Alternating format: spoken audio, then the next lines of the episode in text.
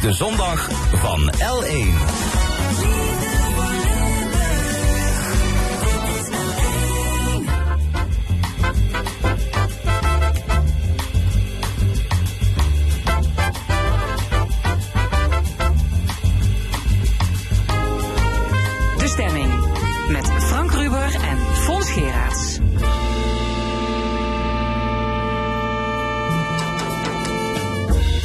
Welkom bij de stemming, het interview- en discussieprogramma van L1 Radio. Vandaag met de volgende onderwerpen. DSM gaat samen met een Zwitserse firma. Wat is de impact van deze megafusie? Bioloog Thijs Goldschmidt is gefascineerd door de Limburgse paleontoloog Eugène Dubois. En onze media-analyst Mark Josten over 300 wetenschappers die opstaan tegen beledigingen. Zuhal Demir is minister van Energie in de Vlaamse regering. Hoe pakt zij lastige dossiers als stikstof en de energietransitie aan? Een column van Nina Bokke en het panel met Monique Quint, Jan de Wit en Karel Leunissen discussieert over het behoud van Maastricht-Aken Airport en andere actuele zaken. Tot 1 uur is dit de stemming. Verrassend nieuws deze week aan het economiefront. DSM gaat fuseren met Firmenich, een groot Zwitsers bedrijf in geur- en smaakstoffen. Of kunnen we beter spreken van een overname? Want DSM krijgt straks 65% van de aandelen en de huidige twee DSM-topmensen houden de leiding. Wat is de impact van deze Heerlandse Zwitserse megafusie? En is een vertrek uit Limburg en Nederland een kwestie van tijd? We gaan erover praten met Ron Smeets, voormalig bestuurder van CNV Vakmensen. En met Hein Schreuder, emeritus hoogleraar bedrijfseconomie en voormalig DSM-strateeg. Goedemorgen allebei. Meneer Schreuder, u bent uh, 20 jaar actief geweest bij DSM. De fusie met Firmenich, is het een verstandige stap volgens u? U bent er nu uit, maar u kijkt er naar terug, uh, of u kijkt erop neer. Wat, wat denkt u? Dit is een uh, hele prachtige stap. Overigens voor allebei de ondernemingen. Maar ook voor DSM. Het is bovendien heel goed uitgevoerd. Het is uh, gelijktijdig met de divestering van uh, de laatste materialen aangekondigd. En in jargon heet dat een back-to-back -back transactie. Hè? Dus je doet het een, maar dan moet je het ook het ja, ander doen. De materialen tak, die wordt verkocht, ja. die wordt helemaal afgestoten. Ja, en, en dat is heel moeilijk uit te voeren. En dat hebben ze prachtig gedaan. En al met al zou ik het zeggen, het is de kroon op het werk van 25 jaar transformeren bij DSM. Ja, Ron Smeets, CNV Vakmensen, hoe kijkt uh, de vakbond hiernaar? Ja, aan zich kritisch. Uh, we zagen natuurlijk al jaren aankomen, uh, want DSM heeft al jaren gezegd van we willen eigenlijk ons toespitsen op de nutritiontak. En Matthias willen we uh, kwijt. Ja. En dan hebben ze al. Dus gekozen voor voeding en materialen Precies. wordt afgestoten. Ja. En sinds 2002 uh, de eerste grote stap met uh, de verkopen van uh, de, de pet petroleumdelen, onderdelen naar Sabic. Eigenlijk moeten we zeggen in 1998 bij de aankoopfusie van Gis Brocades in Delft. Hè. Daar, daar is ja, altijd we kunnen zo meteen even doorlopen ja. wat allemaal gebeurd is. Maar hoe kijkt, het, hoe kijkt u er op dit moment? Uh, wat betekent dit voor personeel? Goed nieuws of slecht nieuws is dit? Uh, op zich is het goed nieuws uh, voor zowel de materiaalstak als de voedingstak. Uh, want hiermee wordt eigenlijk een beetje duidelijk beeld geschetst over hoe DSM naar de toekomst toe kijkt. Dat was in de afgelopen jaren altijd zo van hoe gaat het gebeuren en nu gaan ze het doen met Firmenich. En uh, wij denken in ieder geval dat het goed is voor de mensen. Dat geeft wat zekerheid over wat de toekomst gaat bieden. Uh, tegelijkertijd is er ook wat onzekerheid, omdat het natuurlijk een Zwitserse onderneming is waarvan niemand weet van uh, hoe de verhoudingen naar de toekomst gaan worden. Ja. Stond uh, dit bedrijf al lang op de wensenlijst van DSM om te fuseren, meneer Schreuder? Uh, het antwoord daarop is ja. Want um, als je vanuit voeding kijkt naar de, de beschikbare overname of fusiekandidaten. Dan is uh, deze tak van sport, uh, flavors and fragrances uh, in het Engels. Geur en smaakstoffen. Geur en smaakstoffen. Dat is eigenlijk de top van de voedselketen. Dat zijn de hoogst gewaardeerde bedrijven. Dat is hele complexe materie. En um, we hebben altijd al uh, de drie uh, topbedrijven in het vizier gehad. Maar dat waren droomkandidaten. Dat was een droom die niet kon uitkomen toen. Om, uh, eigenlijk om twee redenen. Eén, deze bedrijven waren niet beschikbaar. Firmenich is een hele trotse Zwitserse familieonderneming. Die was niet beschikbaar voor dit soort gesprekken in dat tijd. En in de tweede plaats, de sommen klopten gewoon niet. Want het DSM-aandeel was niet zo hoog gewaardeerd. Uh, deze aandelen waren dus buitengewoon hoog gewaardeerd. En die kloof kon niet overbrugd worden zonder dat je DSM en de DSM-aandeelhouders tekort zou doen. Ja, en nu is het wel gelukt. Of is, is het echt een fusie? Want DSM, begrijp ik, houdt toch 65 procent, de, eigen, de, de aandeelhouders van DSM houden 65 procent in handen. ook de top blijft DSM. Is het, is het wel een echte fusie of is het een overname? Ah, de heer Smees en ik hebben net teruggekeken op, uh, op uh, in 1998. Hij was toen bij Gisprocades betrokken, begrijp ik. Dat was toen nog een fusie, hè? Ja, toen noemden we het ook een fusie. Toen noemden we het ook een fusie. En waarom doe je dat? Kijk, um, voor zo'n samengaan moeten twee ondernemingen het met elkaar eens worden. En in de tijd Gisbrocades ook was een prachtige uh, onderneming met uh, met name in de biotech uh, activiteiten die heel goed pasten bij DSM. Maar die gesprekken waren al drie keer mislukt. Dus toen het uiteindelijk uh, wel doorging, was dat natuurlijk op basis van een overeenstemming tussen twee partners. Je moet gewoon aardig voor elkaar zijn, anders lukt het niet. Ja, DSM heeft, eh, voor zover ik me heugen kan, nooit een vijandige overname of een onvriendelijk bod gedaan. Heeft het dus altijd op vriendelijke voorwaarden willen doen. Ook overnames overigens. Hè. Um, dus dat de partner het ermee eens is. En als je zo samengaat, ja, je kan het misschien vergelijken met een huwelijk. Dan heb je huwelijkse voorwaarden nodig. En uh, ja, dan moeten twee partijen daar toch over eens worden. Ja, nu is afgesproken, dit is elk geval een fusie. Um, ja, mag ik daar nog even de kanttekening bij plaatsen dat als je er puur financieel naar kijkt, u zei het net al, ja, dan krijgt DSM dus 65% van de nieuwe combinatie. Uiteindelijk dus gaat het daar toch om, je houdt dan toch een zeggenschap. Het is niet een merger of equals, zoals dat in het Engels heet, hè, maar het is wel op basis van gelijkwaardigheid. Hè, dus twee partners die op basis van gelijkwaardigheid samenkomen. Ja. U bent twintig jaar actief geweest bij DSM. En uh, meneer Smeets, uh, u bent ook een aantal jaren als uh, vakbondsman actief geweest. De hoeveelste transformatie van het bedrijf is dit nu? Oh, um, je, je, moet eigenlijk zeggen, het is begonnen natuurlijk in 1998 met de, de fusie de fusie ja. met uh, Gees Brocades. Ja, toen was DSM nog echt een chemiebedrijf. Precies. En, en ja. daar is eigenlijk de, de transformatie, de eerste stap erin, de eerste serieuze stap uh, gemaakt richting de voeding en smaakstoffen. dus daar is de eerste stap gemaakt. En vanaf, 19, vanaf 2010 is eigenlijk de transformatie echt in een versneld, nee, ik moet eigenlijk zeggen in 2002 bij de verkoop van de petrochemie naar uh, Sabiek. Daar is eigenlijk de eerste grote stap gemaakt. En vervolgens is het eventjes stil geweest, maar vanaf 2010 is eigenlijk in een snel tempo de doorstart gemaakt richting de ombouw van een chemiebedrijf, fijnchemiebedrijf, naar uh, de voeding- en smaakstoffen. Ja. Meneer Scheurde, u bent vanaf 1994 aan de slag gegaan als concernstrateeg ja. bij DSM. Was toen al meteen duidelijk dat jullie deze kant op wilden. Want toen was DSM nog het bedrijf van de, ja, van de grote chemische bedrijven op Gemmelot. Het was allemaal DSM, want daar stond de naftakrakers, noem maar op. In 2002 inderdaad is de eerste verkoop van uh, de naftakrakers, de petrochemie aan Sabiek geweest. Mm -hmm. uh, was toen al meteen duidelijk, we willen van die grote chemie af en we willen inderdaad richting die voedingsmiddelen? Nee, dat is eigenlijk een, een, een tocht van jaren geweest. Uh, als ik nog even één stapje terug moet doen, want de grote lijn die de heer Smeet schetst, die klopt helemaal. Maar uh, ik ben in 91 bij het bedrijf gekomen. In 92, 93 ging het sterk bergafwaarts in de petrochemie.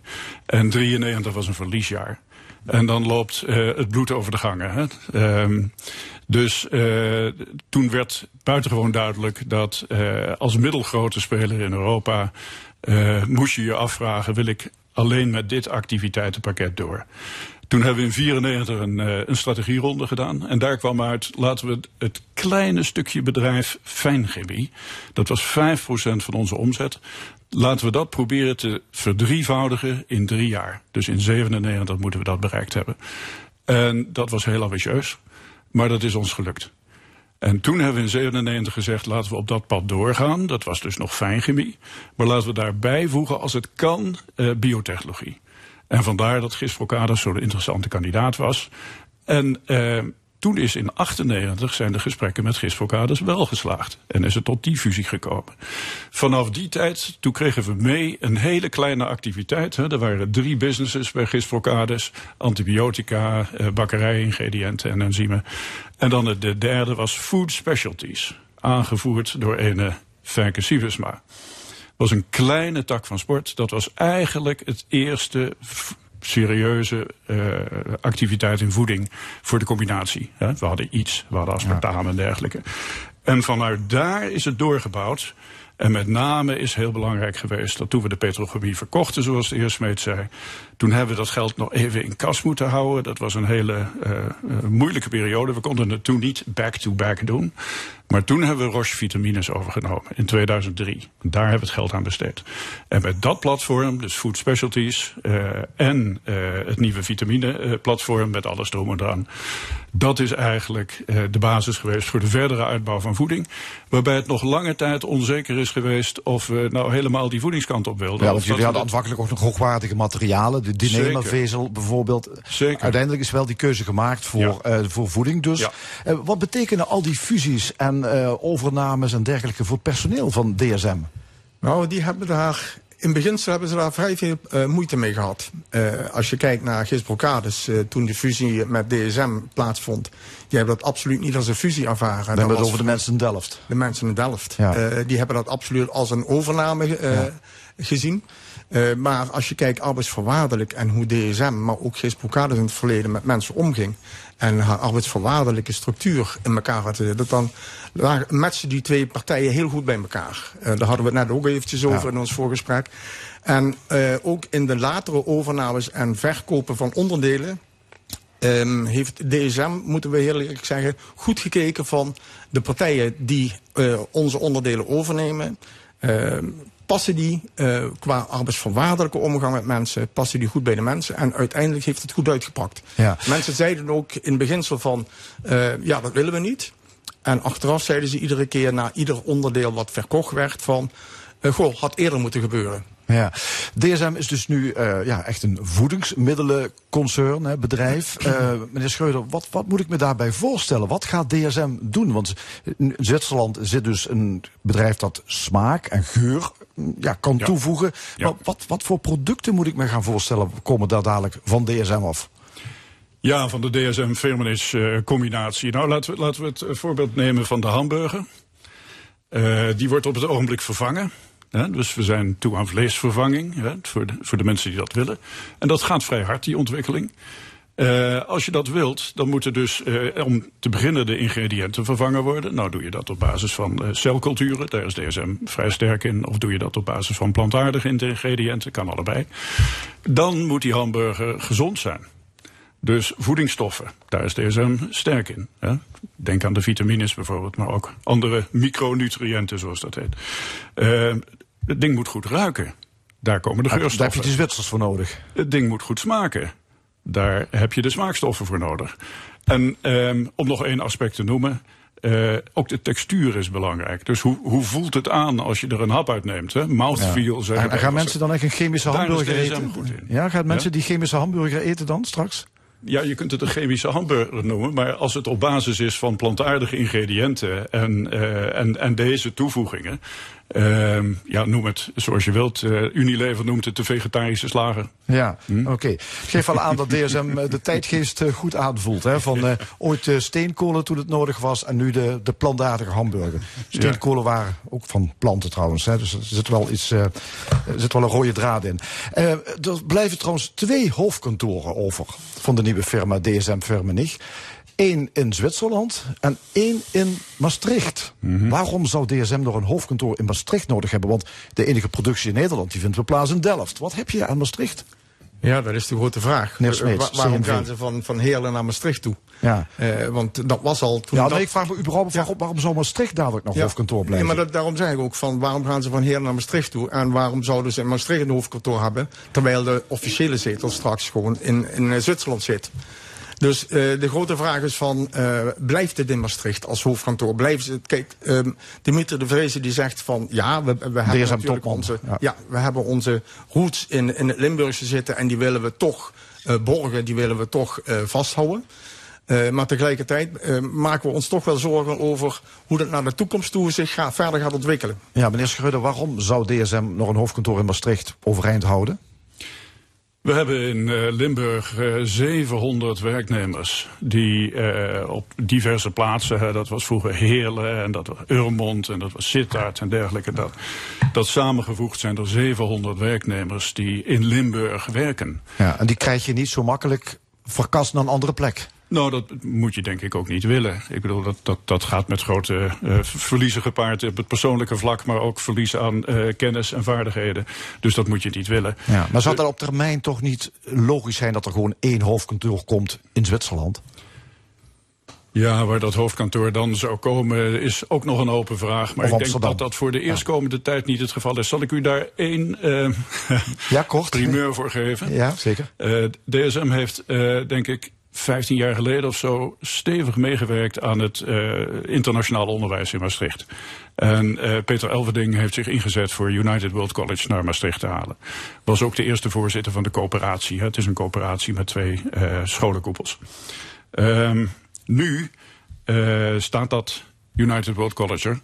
En is een opvolging aan de orde voor de voorzitter van de coöperatie. Dat wordt Dimitri de Vreese.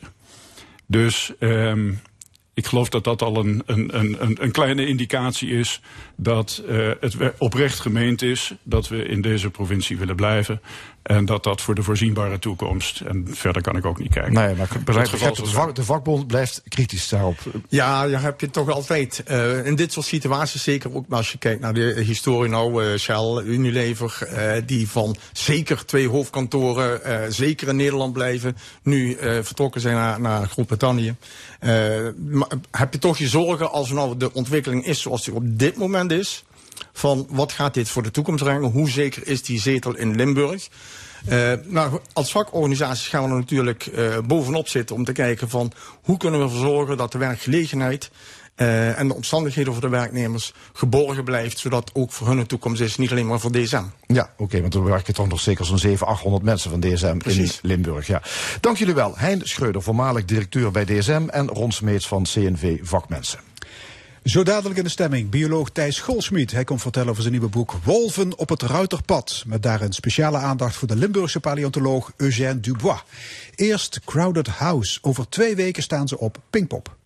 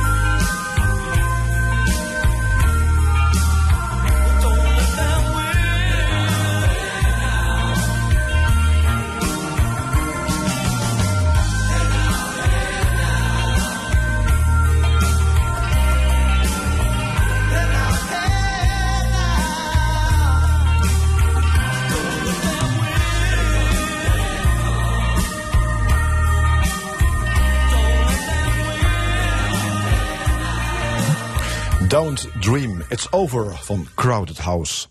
De Universiteit Maastricht kende Eugène Dubois wisselleerstoel en die werd vorig jaar bezet door bioloog Thijs Goldschmidt. Samen met zijn studenten schreef hij daar een boekje over, Rechtop. En in zijn nieuwe boek Wolven op het Ruiterpad besteedt hij ook aandacht aan Eugène Dubois, de Limburgse wetenschapper die eind 19e eeuw beroemd werd door de fossiele vondst van de Java-mens, de schakel tussen aap en mens.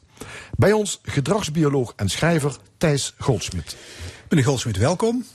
Hoe is het bevallen om een jaar lang houder te zijn van de Eugène Dubois leerstoel? Uh, dat is goed bevallen. Het is, uh, je wordt aangesteld voor een jaar. Uh, het bestaat zo'n tien jaar, denk ik, die wisselleerstoel. De, de stichting Eugène Dubois uit IJsden is daar ook bij betrokken. En die doet dat samen met de Universiteit van Maastricht. Ja, je had een klein groepje studenten, ja, neem ik aan. Ja. Allemaal mensen die geïnteresseerd waren in evolutie en paleoantropologie. Nou, uh, waarschijnlijk wel. Uh, maar uh, ik, ik wilde eigenlijk niet doen alsof ik een bioloog ben die volop in het onderzoek staat en alles weet van evolutionaire biologie of paleoantropologie. Dus ik dacht, ik, ik wil iets doen met mijn huidige belangrijkste activiteit, het schrijven over dat soort onderwerpen en andere onderwerpen. Dus ik, vraag eigenlijk uh, of er studenten zijn die geïnteresseerd zijn om uh, uh, een, te gaan schrijven naar aanleiding van een aantal brieven die ik heb geselecteerd uit het Eugène Dubois archief. Ja, nooit eerder gepubliceerde Nee, brieven van Dubois. de- hoe, hoe kwam je daaraan eigenlijk? Nou, die, die zijn ehm, ehm, de studenten en mij gegund door Paul Albers, dokter Paul Albers van het eh, Eugène Dubois archief bij Naturalis. En die is bezig aan een groot academisch werk over Dubois. Maar hij, hij was zo genereus om een selectie eh, eh, te helpen maken van ongepubliceerde brieven. die toch een representatief beeld min of meer geven van de weet, vooral wetenschappelijke werkzaamheden van Eugène Dubois. Ja, dus die brieven, plus ehm, die, eh, die stukken van die studenten, plus uw essay, dat leidde tot een boekje rechtop. Ja, het Goed, laten, we- laten we dus hebben over die Eugène Dubois. Dat was een paleontoloog uit IJsden. Die ging in de 19e eeuw naar Indië om daar de missing link te zoeken. De ontbrekende schakel tussen mens, aap en mens. Ja. Want Darwin had toen al zijn beroemde boek geschreven.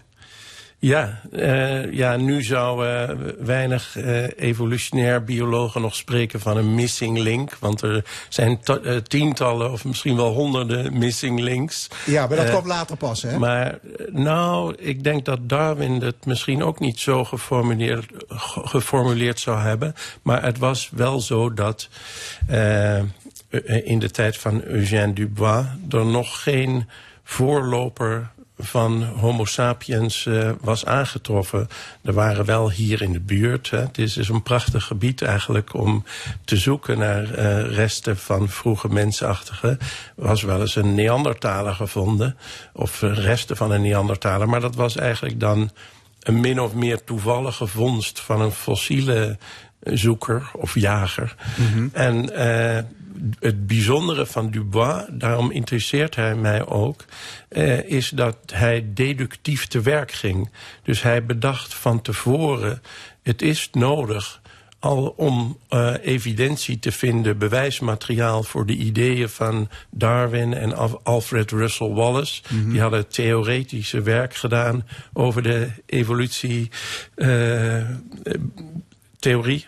En, eh, ehm, maar er was geen eh, fossiel bewijs voor eh, die vroege mensachtigde. En hij heeft eigenlijk alles opgegeven. Zijn baan aan de Universiteit van Amsterdam... waar hij geweldige carrière per- perspectieven had. Hij zou zeker eh, hoogleraar worden. De opvolger van Max Vuurbringer, een anatoom daar. En tegen de adviezen van iedereen in ging hij toch naar Indië, Indonesië. Ja, ja Dus- hij, be- hij begon in, in, op Sumatra. Hè? Ja. Dat was geen succes, daar vond hij niks. Nee. En toen is hij gaan graven in Java. Ja. En dat was het wel bingo, hè? Ja, nee, maar hij bedacht dus van tevoren waar moet ik zijn in Afrika of in uh, Azië. Ja. Hij gokte op uh, Azië, uh, anders dan Darwin. in wat voor sedimenten moet ik dan gaan graven? Zijn die wel oud genoeg om voorlopers van Homo sapiens te herbergen? En uh, op Sumatra waren, bleken de sedimenten te jong te zijn. Mhm. Mm -hmm. En daardoor is hij uh, verhuisd naar Java. Ja, en dat, toen vond hij in 1891 en in de bocht van de Solo-rivier een schedelkapje, een dijbeen en een kies. Hoe wist Dubois dat dit een rechtoplopende mens moest zijn geweest? Nou, ik denk voornamelijk door het dijbeen. Uh, want het dijbeen was duidelijk het, uh, het dijbeen van een, het was een linker dijbeen, waarschijnlijk van een bejaarde vrouw. Uh, een aap-mens, mens-aap, een hele vroege vorm, mogelijk 800.000 jaar oud, terwijl Homo sapiens waarschijnlijk niet langer dan 300.000 jaar ja. geleden. Dus het was een, echt een vondst van je welste. Ja, want dit was het bewijs van de evolutionaire afstamming van de mens. Ja, dit was nogal wat. Nee, ik vind het een uh, geweldige vondst. Dat was ook een van de. Ik wist helemaal niet zoveel van Eugène Dubois. Uh, dat was een van de dingen die mij aantrok om dan met studenten te gaan onderzoeken en uh, ook te bespiegelen over de, de, relevantie van de vondst van Dubois. Ja. En ook hoe dat nu wordt gezien en wat er nu inmiddels Zeker. allemaal bekend is Ja, geworden. want toen was het een vondst van je welste. Maar na de euforie, uh, toen werd Dubois van alle kanten aangevallen. Waren die drie stukken wel van één persoon? Is dit wel de missing link? Is die Java-mens niet gewoon een homo erectus? Het leidde tot heel veel polemiek, Maar- ruzie en treiterijen zelfs, hè? Zeker, maar gewoon een homo erectus, dat, dat, is niet, dat bestond nog niet. Hij noemde zijn eh vondst Pithecanthropus erectus. En veel later eh, werd het heel waarschijnlijk geacht dat hij restanten had gevonden van Homo erectus. En daar is een Afrikaanse variant van en ook een Ja. Aziatische. Maar hoe dan ook, hij kreeg er flink van langs. Hoe ging Dubois met die kritiek om?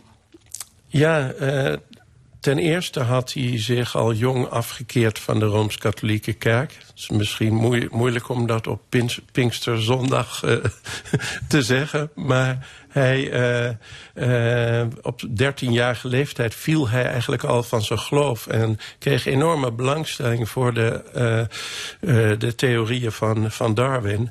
En eh, ehm, eigenlijk na die vondsten kwam er kritiek van creationisten. Die geloofden letterlijk in, de, in het scheppingsverhaal.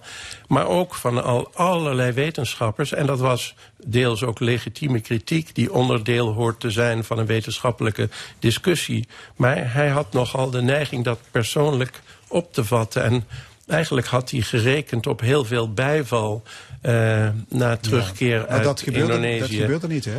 Hij is van Door sommigen, eh, dus be- de, de belangrijke Duitse bioloog Ernst Haeckel... die hem van meet af aan had gesteund...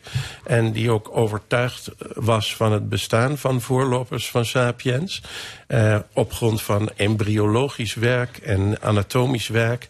die vond het eigenlijk ook helemaal niet nodig... dat Dubois eh, in, in Indonesië ging, ging zoeken naar dat soort eh, voorlopers. Want je kon eigenlijk zien aan het bestaan van kielbogen bij embryo's van mensen. Iedereen heeft dat op de middelbare school geleerd.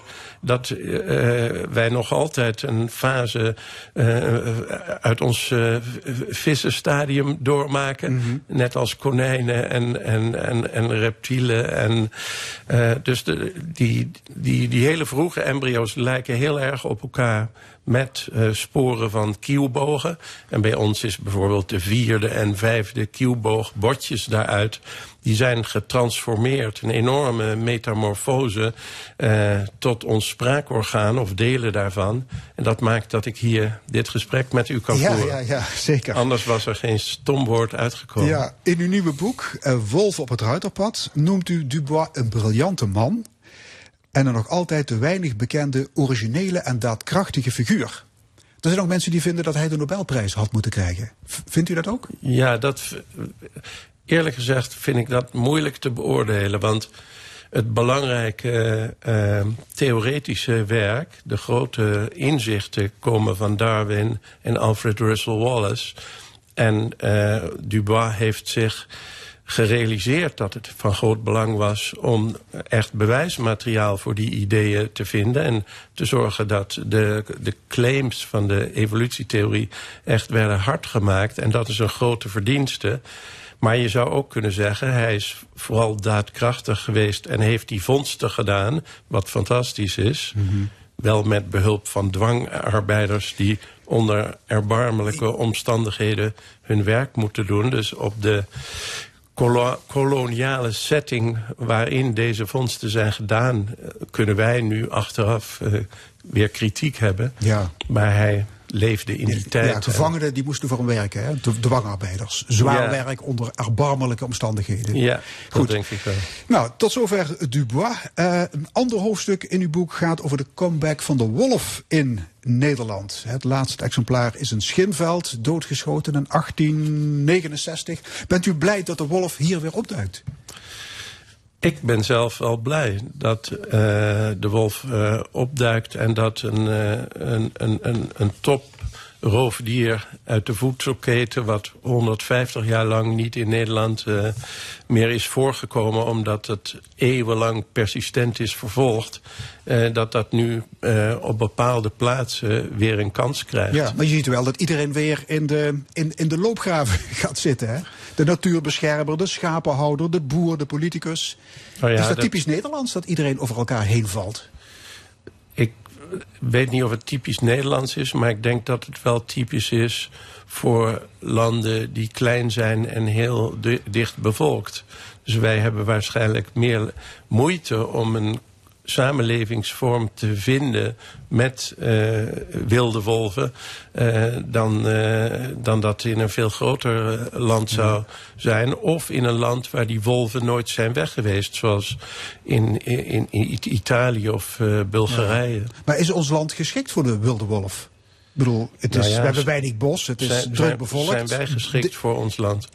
Dat weet ik niet. Nee, maar hier wordt uh, de dominantie van de mens, van homo sapiens... Als U vindt van, dat de wolf net zoveel als, rechten heeft om hier te zijn dan de mens? Nou, ik wil niet zeggen net zoveel, maar in ieder geval vind ik de, maak ik bezwaar tegen de uh, vanzelfsprekende claim op dominantie van de mens. En er is ook democratisch besloten in Europa... bij de conventie van Bern in 1979... en later via habitatrichtlijnen in 1992... ook beren, wolven, allerlei andere planten en dieren hebben bestaansrecht. Laten we in ieder geval erkennen dat dat zo is. Zeker, maar waarom komen de wolven überhaupt hier naartoe? Bedoel, je kunt als wolf toch beter in Polen of in Oost-Duitsland uh, zitten? Wat, wat, wat doen die hier? Ja, of gaan die jonge wolven gewoon op goed geluk ergens... Uh, ja, na de val van, van de Berlijnse muur kwamen er uh, Poolse en Oost-Duitse wolven generatie voor generatie uh, richting Nederland. Ja, eigenlijk de verkeerde kant op. Ik weet niet wat, uh, wat de verkeerde kant is. Maar een, want een wolf weet niet uh, wat er hem te wachten staat in uh, Nederland. En waarschijnlijk zwerven de puberale wolven in alle mogelijke richtingen uit. En komen dus onvermijdelijk ook in, in Nederland terecht. Ja. U schrijft ook over de Yeti. Dat is een groot tweebenig beest dat zo leven in het Himalaya-gebergte. Uh, ja, dat is een fabeldier. U heeft het over een kruising tussen een beer, een aap en een spaarvarken. Ah, ja. Want er wordt flink geld mee verdiend met de Yeti. Nou ja, het is uh, een, een, een, een, dier dat een belangrijke rol speelt uh, in allerlei oude mythen en proto-boeddhistische uh, bonreligies in, in, in, in het Himalaya-gebied. En inmiddels is er een hele Yeti-toeristenindustrie ontstaan in Nepal. En kun je in talloze toeristenwinkels Yeti-scalpen kopen. Maar dat zijn natuurlijk eigenlijk stukjes geitenhuid. En uh, er is waarschijnlijk geen uh, Nepalees die uh, het bestaan van de Yeti zal ontkennen. Want hij, hij leeft ervan. Mm, Oké. Okay. maar dat, dat, betekent dus ook niet dat er die- dat er niet een dier zou kunnen zijn eh, wat eh, de, de mythe van de Yeti heeft gevoed. Ja. Laatste vraag, u bent zeer begaan met onze fauna. Hoe denkt u over klimaatverandering? Ehm, nou ja, ik maak mij hele grote zorgen over eh, aanstaande zeespiegelstijgingen en eh, extincties van eh, planten en dieren die zich onvoldoende snel zullen kunnen aanpassen aan veranderende omstandigheden.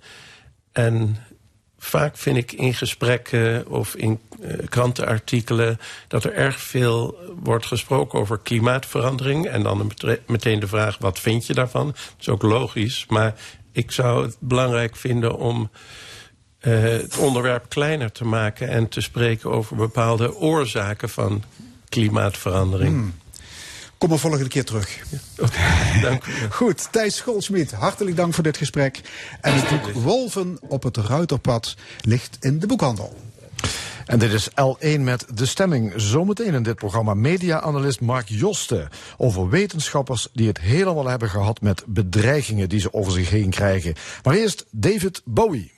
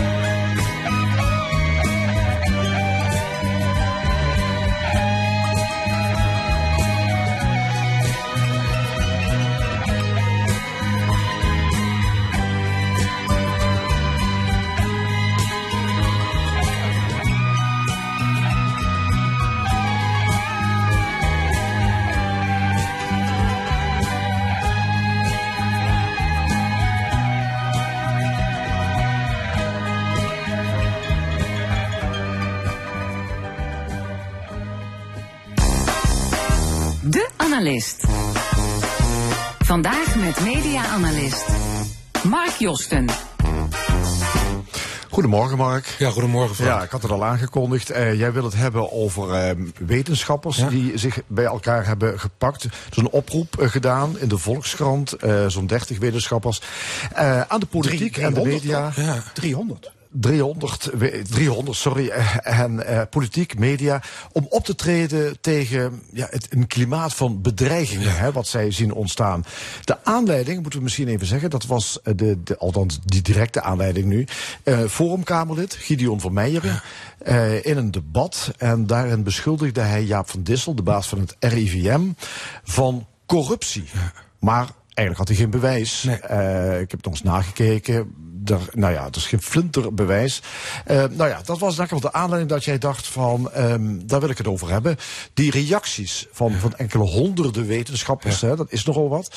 Ehm, ja, hoe, hoe moet je dat inschatten? Begrijp jij dat? Ja, die begrijp ik enorm goed. Ik bedoel, ik heb net met, eh, met enorm veel eh, plezier naar Thijs Goud- Goldsmit geluisterd. Naar het eh, betoog over ook de, de, de wetenschappers in de vorige eeuw. Eugène Dubois onder andere. Die ook al onder vuur lag. Maar er is natuurlijk een enorm verschil tussen gewoon onder vuur liggen. Wetenschappelijk de maat genomen worden. En in een klimaat van totale verdachtmakingen komen. Want vergis je niet, het woord corrupt. Als wij dat hier naar elkaar uitspreken, kunnen we elkaar onmiddellijk voor de rechter dagen. Want er horen, het is een harde beschuldiging, daar horen harde bewijzen bij. En hier heeft dus die meneer Van Meijeren, die heeft 13 minuten lang, heeft hij tekeer mogen gaan tegen Van Dissel, zonder dat de man zich kon verdedigen. Eh, dit, ik bedoel, ik kan me niet voorstellen dat dat 100 jaar geleden op die manier plaatsvindt. In dat opzicht is er met de evolutie van het roedeldier mens is er wel wat aan de hand, vrees ik zo. Eh, eh, dus dit, dit- dit, ik, ja, ik begrijp enorm dat die wetenschappers zeiden van genoeg is genoeg. En we gaan gezamenlijk gaan we een grote oproep doen. Want dit gaat niet meer over de vrijheid van wetenschap. Het gaat niet om de vrijheid van meningsuiting. Het gaat gewoon over alle, iets wat totaal over alle randen heen gaat. Wat die vrijheid bedreigt. Ja, nou ja, hier, was dan, eh, hier ging het dan over Jaap van Dissel. Maar goed, blijkbaar zijn al die honderden wetenschappers... die herkennen dit op de een of andere manier. En doen die oproep.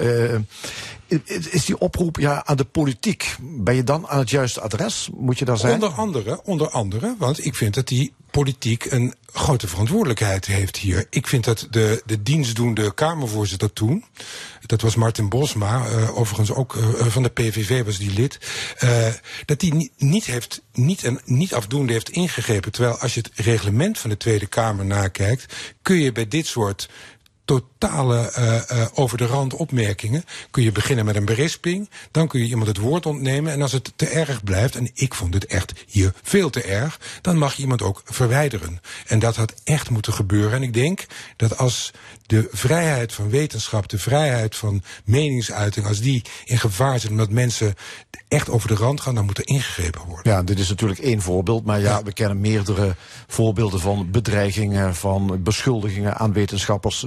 Ja, door politici, maar ook natuurlijk op social media. Het, wordt, het is enorm. Iedereen. Iedereen is, is op. Ja, kijk, laat ik even één ding vooraf zeggen. Het is wel een relatief kleine groep, hè?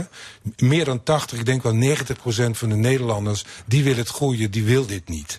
Er is 10 procent, dit, dit is even natte vingerwerk, maar het is ongeveer 10 procent die enorm bedreigend en intimiderend is voor de rest. En het is nu echt tijd dat die rest gaat opstaan en ook achter die wetenschappers gaat staan.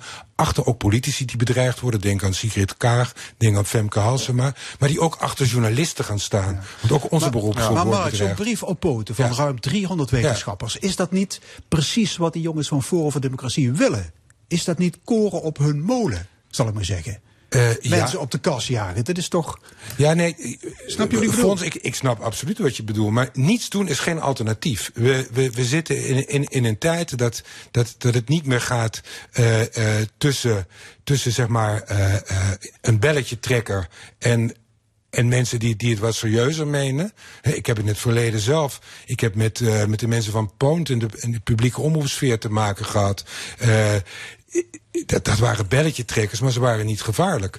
Op, op, op, op dit moment hebben we met ongehoord te maken. Dat is van een totaal andere orde. Dat is geen belletje trekken meer. Dit is echt een bedreiging van de manier waarop we met elkaar omgaan. En die wetenschappers voelen dat ook precies zo. En ik vind dat hier moet die 80%, 90% van de redelijke Nederlanders. En zeker de, de mensen die voorop lopen, die, de aanvoerders de- van die 90%. de- de media. Kijk eens naar de En media. de media. Nee, natuurlijk. Ik, ik zit hier en jullie zitten hier en ik denk dat wij meer dan ooit een verantwoordelijkheid hebben. Overigens geldt ook voor leraren in de klas. Dat geldt.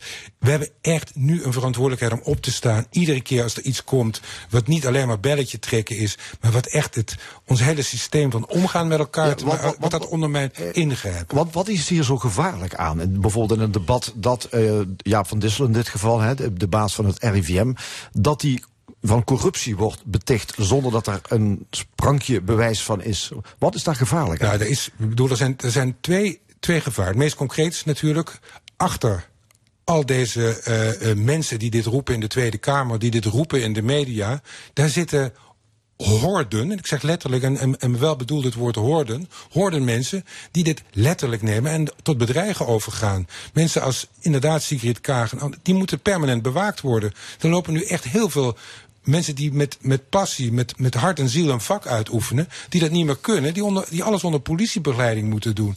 Dat, is, dat, dat moet echt stoppen. En, en om dat te laten stoppen, eh, moeten we denk ik in, in, eh, in, in de sfeer van eh, het, het, het elkaar tegemoet treden, met elkaar spreken. Of het nou in een Tweede Kamer is, of het hier voor de, voor de microfoon van, van L1 of in een klaslokaal is. We moeten elkaar onmiddellijk aanspreken nu als de grenzen worden overtre- overtreden. Want het is echt, we moeten de grenzen van onze vrijheid echt meer dan ooit in acht nemen. Ja, je had het zo trouwens over ongehoord. Ik neem aan dat je bedoelt ongehoord Nederland. Ja, Ongehoord Nederland, De omroep die ehm, laatst in een uitzending het had over de omvolkingstheorie. Ik denk niet dat veel mensen die uitzending hebben gezien. Kun je kort uitleggen wat die theorie inhoudt? Ja, met, met grote tegenzin, maar eh, want da daarmee ga je ook wel iets uitleggen waar je van vindt dat het, eh, dat het eigenlijk geen aandacht behoeft. Maar omdat we hier een serieuze uitzending zitten, doe ik het. Nou, dus de theorie dat er een complot is van een, van een bepaalde elite in het land, of in het land, in, in Europa, die het voor ogen heeft om de oorspronkelijke witte bevolking doelbewust te vervangen door mensen met andere kleur. Ja, het is, ook dit is een aanname uit het ongerijmde. Ja, het. Kwatschverhaal. Sterker nog, dit is puur racisme. Puur racisme en, en het voedt ook nieuw racisme. En ik vind dus, en da- daar hebben we het weer over die randen. Kijk, ik, ik kan tegen heel links, ik kan tegen heel rechts. Maar wat, wat niet kan, is gewoon haat zaaien. Er zijn ook rechters in Nederland die laten ook bijna alles toe. En dat vind ik terecht, want ik ben daar ook heel liberaal in. Maar er is ergens een harde grens. En die harde grens begrijp, eh, bereiken we nu op allerlei fronten in de samenleving. En die omvolkingstheorie, ik vind dat ze ook maar één keer in een klaslokaal, als er ook maar één keer daarvan wordt gerept, onmiddellijk stoppen en ingrijpen. Ja, en ongehoord Nederland laat dus kritiekloos mensen aan het woord die dit soort Absoluut. ondemocratische Zeker. waarden, om het maar eens netjes te zeggen, Zeker. uitdragen. Ja. Zeker. Volgens mij is de NPO-ombudsman, dat is trouwens een vrouw, Margot Smit, bezig met een onderzoek naar de verspreiding van nepnieuws van ongehoord. Ja. Dus dit kan ze meteen meenemen. Ja, maar het- ik, ik vind dat er iets te veel eh, verantwoordelijkheid nu op haar schouders ligt. Eh, jarenlang heeft niemand naar de ombudsman van NPO uitgekeken. Omdat iedereen zo bang is om zelf verantwoordelijkheid te nemen in dit dossier. Een commissariaat van de media, een raad van bestuur NPO.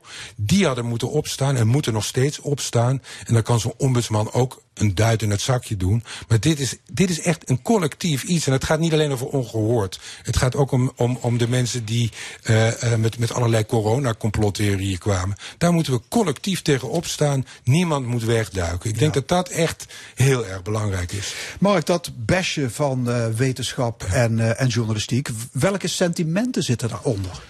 Ja, weet je, ik, ik kom nu op een beetje op speculatief terrein, maar ik, ik denk natuurlijk veel over na. Hoe, hoe, hoe is dat zo gekomen? Hoe is dat ook in tien jaar tijd zo enorm? Het is, het is een soort bijna zelfreizend bakmeel is het geweest. Het, het wordt maar erger en erger. Ik denk dat de social media er niet van los te zien zijn. Maar als je een laagje dieper kijkt, ja, ons werd eh, vroeger altijd eh, eh, geleerd, ja, je had de, de zogenaamde marxistische ontwikkelingstheorie. Dat als, als eenmaal de, de, het proletariaat aan de macht kwam, dan zouden we in een heilstaat terechtkomen. Dus als de, de gewone man evenveel te zeggen had als iedereen, dan zou het goed komen. Ik denk dat eh, het goed is dat er, dat er meer gelijkheid op aarde Je komt. zit ik beetje de gewone man te bashen. Nee, ik, nee, nee, nee, nee, nee, nee, nee, nee, nee, integendeel. Eh, die- maar ik, ik, ik, ik, ik, wil iets, ik, ik bedoel iets anders. Ik bedoel dat eh, eh, we zijn iets anders kwijtgeraakt in die tijd. We hebben gedacht, als iedereen maar welvarender wordt, dat is eigenlijk de theorie. Als iedereen welvarender wordt, komt het wel goed.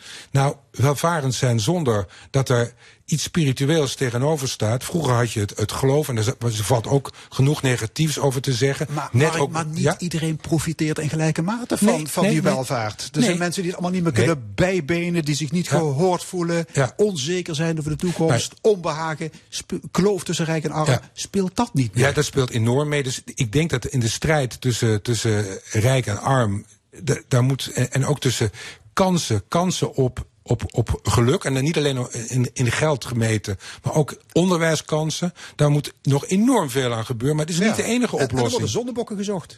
Er worden zondebokken gezocht. En dat, eh, nou ja, en, en, en dat moet echt, hoe dan ook, ophouden. En eh, om, dat, om dat echt tegen te gaan. Kijk, ik denk dat je moet, moet, in een aantal dingen moet ingrijpen in de mediasfeer. Bijvoorbeeld onze, onze Waalse vrienden hebben een ontzettend goed recept bedacht om eh, idiote theorieën als omvolking, om die te, te weren. Dus ze zeggen van nou, dit type spreken, dat nodigen we niet meer uit. En als het een keer journalistiek zeer noodzakelijk is, oké, om ze om weerwoord te vragen, dan kan het, maar nooit live. De Dus Waalse, de Waalse de, methode. de, Waalse, de Waalse methode. Mark Josten, onze media-analyst, hartelijk dank.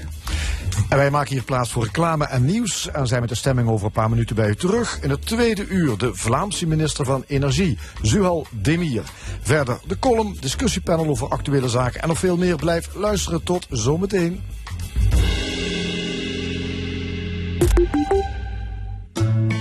Duizenden bloeiende rozen, leerzame demonstraties, prachtige bloemwerken en vele extra's tijdens het Rozenfestijn in Kasteeltuinen Arsen. Rozenfestijn, 9 tot en met 13 juni in Kasteeltuinen Arsen. Titanic the Musical. Een meeslepend verhaal over hoop, liefde en ambitie. Beleef deze indrukwekkende Broadway-hit met iconische muziek, een live orkest en een 25 man sterke cast vanaf juni in Theater Heerlen en Theater aan de Vrijthof. Boek nu je tickets. Rozenfestijn, 9 tot en met 13 juni in Kasteeltuinen Arsen.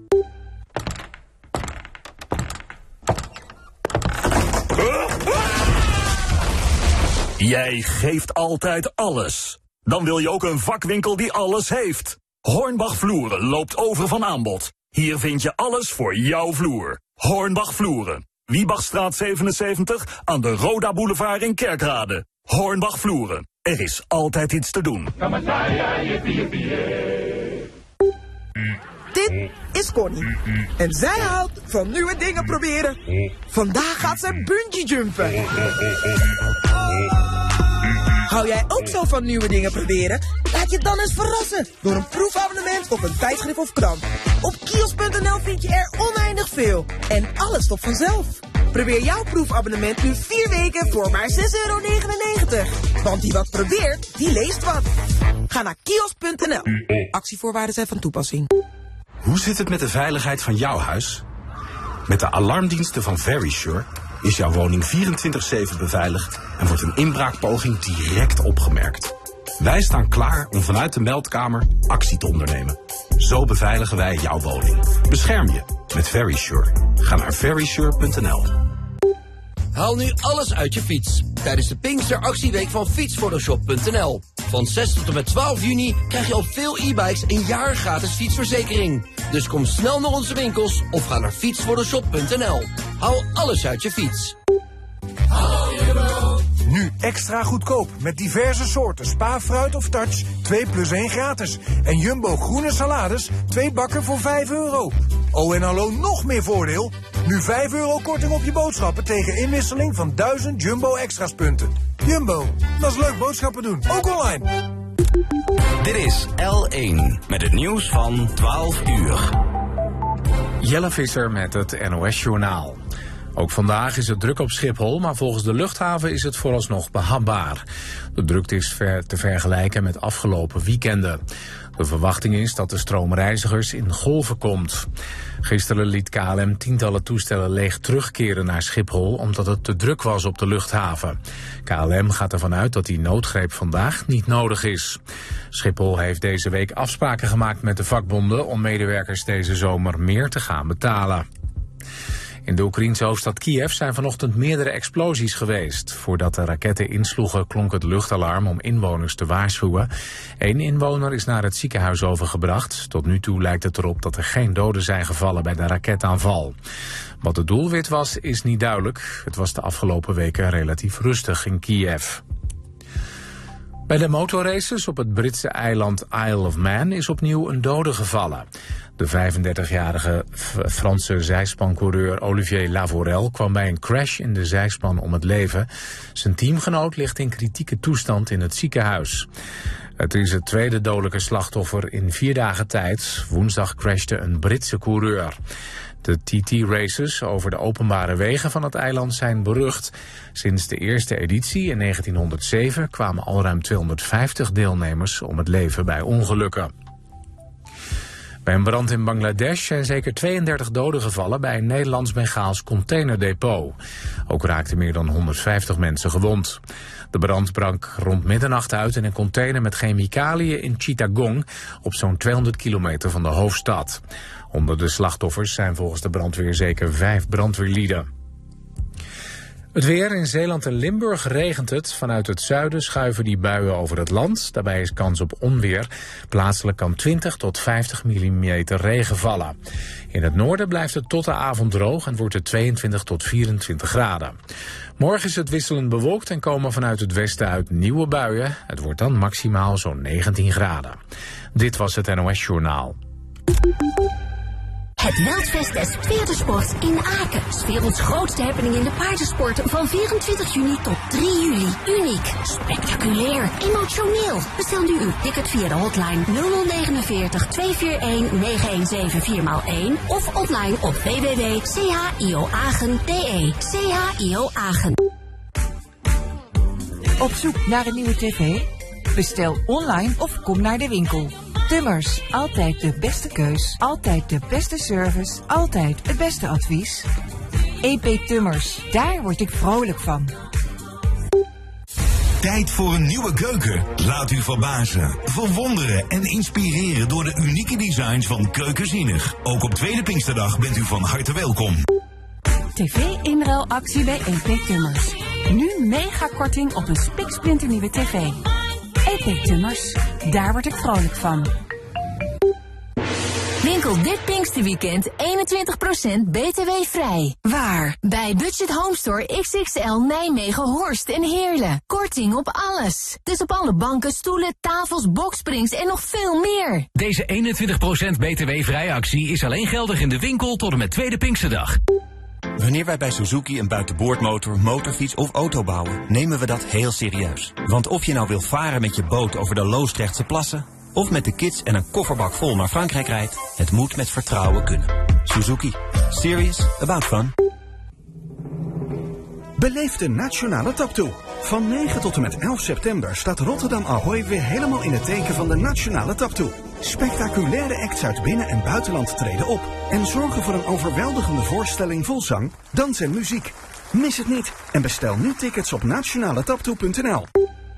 Benut elke vierkante centimeter van je huis. Met de creatieve opbergoplossingen van IKEA. Tover dat afgetrapte hoekje om tot een handige trapkast. Kom naar de winkel of laat je inspireren op ikea.nl.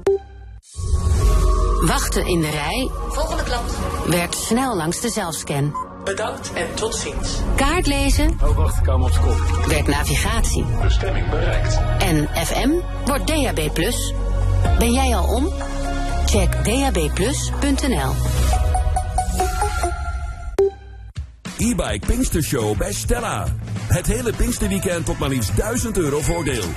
Kom nu langs in een Stella testcenter bij jou in de buurt. Jouw regionale omroep beluister je nu via DAB+. Dus ook L1. FM wordt DAB+. Ben jij al om? Stella is op tweede Pinksterdag geopend. Kijk op stella.nl. Is de zondag van L1.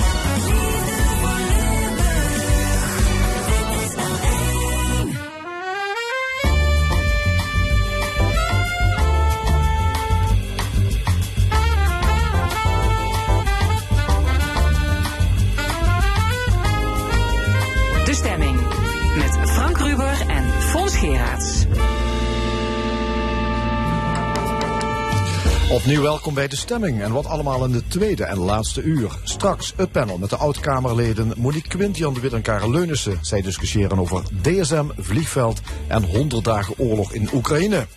Een column van Nina Bokke, maar eerst gaan we naar België. Aangeschoven is Zuhal Demir, minister van Energie en nog een heleboel meer in de Vlaamse regering. Die bestaat uit negen ministers, inclusief minister-president Jan Jambon. De Mier, lid van de NVA, houdt zich vooral bezig met inperking van de stikstofuitstoot. Want die vormt ook bij onze zuiderburen een kolossaal probleem. Aan tafel de uit Genk afkomstige Vlaamse minister Zuhal de Mier. Ja, welkom. Minister voor de NVA, dat zijn de Vlaamse nationalisten. Dat is een partij die we in Nederland uiteraard niet kennen. Eh, wat was voor u de reden om actief te worden voor die partij? Ja, ik, uh, eerst en vooral, ik ben heel blij dat ik in Maastricht ben. Ik kom graag naar Maastricht, ik kom graag naar Nederland. Uh, fijne mensen, lekker eten uh, en ook mooi natuurgebieden. Um, de reden waarom dat ik bij de NVA ben aangesloten was ongeveer 2009. is, heeft grotendeels te maken met het feit dat we toen ook in een crisis zaten op federaal niveau. De regering is toen ook gevallen in 2010, omdat de structuren niet werken. En ja, wij vanuit NVA, we zijn een gemeenschapspartij, uh, de gemeenschap Vlaanderen, waar dat elk individu natuurlijk zijn verantwoordelijkheid moet dragen en uh, waar dat we ook werk willen maken van het hervormen van het land. Want vandaag de dag staan we terug stil. Ik zit ondertussen al uh, meer dan tien jaar in de politiek en helaas moet ik vaststellen dat de structuren op federaal niveau nog altijd niet werken. En voor mij is het vooral een verhaal van hoe kunnen we beter besturen, hoe kunnen we efficiënter besturen en als we dingen op Vlaams niveau kunnen doen, dicht bij de gemeenschap, dicht bij de, die democratie democratie, dan moeten we dat ook doen. Ja, de NVA is voor een sterk Vlaanderen. En uiteindelijk voor het einde van België of zoiets? Uh... Wij zijn voor een heel sterk Vlaanderen. Wij zijn voor een confederaal model, waar dat we zeggen meer bevoegdheden naar Wallonië en naar uh, Vlaanderen, omdat de democratie ook heel anders is. In Wallonië stemt men vooral uh, ja, toch wel links tot zelfs heel links. De communisten doen het daar ook bijzonder goed. Terwijl in Vlaanderen hebben we vooral een centrum-rechtse onderstroom. En dan is het ook niet correct vanuit een democratisch oogpunt dat je op dat federaal niveau een beleid krijgt die ofwel niet oké is voor de Waalse democratie, ofwel niet oké is voor die Vlaamse democratie. Vandaar het pleidooi voor een confederaal model. Zien wat, dat, wat kunnen we doen op dat federaal niveau. Ik denk bijvoorbeeld aan het leger en nog zo van die dingen op, uh, op, uh, qua schaalvergroting. Maar dan andere zaken, gezondheidszorg, uh, energie en noem maar op. arbeidsmarktbeleid vooral aan de deelstaten. Ja, dat is waar uw politiek staat. U bent er overigens van Koerdische afkomst. Uw ouders kozen ervoor om naar België te gaan. Bracht hun dat wat ze verwacht hadden? Uh, toch wel. Mijn, uh, mijn ouders, uh, mijn vader is hier komen werken in de mijnen in Genk. Ik ben een mijnwerkersdochter. Ik ben daar ook bijzonder fier op. ik zal mijn afkomst ook altijd meenemen in, in alles wat ik doe. en mijn ouders zijn heel, toch wel blij dat ze de stap hebben gezet. Het was heel moeilijk, want dat wordt vaak ook wel vergeten. Die eerste generatie, dat ze het bijzonder moeilijk hadden in Vlaanderen. Zal misschien in Nederland ook het geval zijn. Er waren geen integratielessen, waren weinig bijeenkomsten waar dat die moeders uh, terecht konden om uh, ja, taalproblemen, hoe kinderen opvoeden enzovoorts, waar dat ze terecht moesten kunnen. Ja. Dus die eerste generatie heeft het bijzonder moeilijk gehad, maar de droom van mijn vader om zijn vijf kinderen te laten studeren uh, is wel uitgekomen. Dat, en, dat is de droom van uw vader. U heeft het gretig aangenomen en bent rechten gaan studeren. Ja, klopt. Rechten aan de KU Leuven, ook advocaat geweest in arbeidsrecht en dan in, in de politiek terechtgekomen. Ja, u bent dus u was staatssecretaris in de federa federale regering en nu dus minister in de Vlaamse regering. Met een heel breed uh, terrein. Eh, justitie, toerisme, energie, eh, noem maar op. Hè. Het is toch wel een eh, pakket. Ja, het is eh, heel veel, heel eh, brede bevoegdheden, belangrijke bevoegdheden. Denk maar aan omgeving, als wat met, met milieu te maken heeft. Ja. Ja, ja eh Is, het, is, het allemaal, is dat allemaal te behappen? Ook nog justitie erbij en noem maar op. Dat- Ja, het is, eh, het is veel, maar het is zeker te behappen als je een goed kabinet hebt, goede medewerkers, goede raadgevers. En eh, dat is in deze zeker het geval. De meeste tijd besteedt u aan de inperking van de stikstofuitstoot. Hè? Ja. Eh, wanneer gingen in Vlaanderen de alarmbellen af? Ja, eigenlijk toen dat ik eh, in 2019 benoemd ben geworden in de Vlaamse regering, heb ik eh, mijn ronde gedaan, met verschillende mensen gesproken. En heel veel wetenschappers, professoren, ook, maar ook mijn adviseurs zeiden wel, minister, er is één groot probleem dat op uw bord zal terechtkomen en dat is stikstof. Ja. En dan heeft het eigenlijk geduurd, dus ik heb dan ook heel veel megastallen geweigerd. Nee, snap ik. Maar al twintig jaar geleden werd Vlaanderen de ongekroonde koning van de stikstofdeposito in Europa genoemd. Ja, dat klopt. Het probleem kennen we al heel lang in Vlaanderen. Maar helaas eh, heeft het, eh, de politiek en het beleid eh, nooit de moed gehad om te zeggen we gaan dit probleem nu eens aanpakken. We gaan eerlijk en correct de boeren ook informeren. Wat kan, wat kan niet in Vlaanderen. Maar helaas moet ik vaststellen dat daar de druk en het advies ook naar die boeren van groter en groter en die intensieve veeteelt. En dat was eigenlijk een, een jammerlijke keuze. Want als we vandaag de dag zien waar we, de, waar dat we voor staan, de opdracht die er is. Want we hebben een arrest gehad, een stikstofarrest, met zeer verregaande gevolgen. En dan zijn pas eigenlijk de alarmbellen eh, in, eh, in de wedstraat eh, afgegaan. En wij hebben nu een, een kader gemaakt, dat is een openbaar onderzoek. En ik hoop dat we dan tegen eind dit jaar de wetten, decreten kunnen stemmen, zodat we het probleem kunnen aanpakken. Want zo niet zullen we in een vergunningsstop terechtkomen, waar dat Nederland Mhm. ook natuurlijk al heeft gekend. Ja. ja, de Vlaamse regering heeft een tijdje terug een stikstofakkoord gepresenteerd. Maar nu heb ik gelezen in de Belgische media dat dat akkoord weer op springen staat. Omdat sommige bewindspersonen het te brusk vinden. Klopt dat? Ja, dat klopt. En ik hou daar niet van, eh, omdat je in een regering zit met coalitiepartijen. Er is een jaar lang eh, gediscussieerd geweest. We hebben ons ook laten begeleiden door eh, heel wat wetenschappers, ook belangrijk in dit dossier qua stikstof. En ja, dat het brusk is, ja, dat Is, da- daar heb ik natuurlijk niks mee te maken. De politiek had al lang al geleden maatregelen moeten nemen. Ja. Maar ze hebben natuurlijk piepje duik gedaan, met alle gevolgen van dien, dat je nu met een arrest zit en de politiek en beleid zit eigenlijk met de rug tegen de muur, met alle gevolgen van dien natuurlijk voor die landbouwers. En ik hou er niet van dat nu een aantal coalitiepartijen, maar ik zie dat ook op lokaal niveau, dat een aantal burgemeesters zeggen, nou wij smaken dit niet. Ja, ik smaak dit ook niet, maar als we dit niet doen, dan komen we voor een grote catastrofe terecht. Vergunningstop, en dat betekent ja, niet alleen voor de landbouw een vergunningstop, maar ook heel veel bouwvergunningen, KMO's, eh, ondernemen. Niks meer gaat mogelijk zijn. En Nederland heeft het gekend. Allee, ik weet zelfs in Nederland dat het zeer verregaand is geweest, dat een theatervoorstelling zelfs is niet kunnen doorgaan, omwille Ja. van de uitstoot van de auto's op de parking. Eh, en eh, ja, die, ik kijk ook naar Nederland, ik probeer daar ook lessen van te leren. En in dit dossier probeer ik mijn verantwoordelijkheid te nemen en ik hoop dat eh één ieder in de politiek ook zich daarvan bewust is dat we nu al moeten doordoen en de maatregelen nemen die gewoon nodig en noodzakelijk U heeft zijn. een lijst van 41 zogenoemde rode bedrijven. Die moeten verplicht stoppen. Eh, maar met die 41 piekbelasters bent u er niet, hè? Want u wilt dat de varkensstapel met 13% wordt ingekrompen voor 2025. Ja. Dus u hoopt dat veel varkensboeren vrijwillig stoppen. Ja, die 41 bedrijven die eh, verplicht gaan zullen stoppen, dat is eh, maar één van de vele maatregelen. dat, dat gaat eigenlijk over 1% van het totale stikstofakkoord. Eh, wij, generiek zeggen wij eh 60% minder in de pluimvee en eh, in, eh, bij de varkensboeren.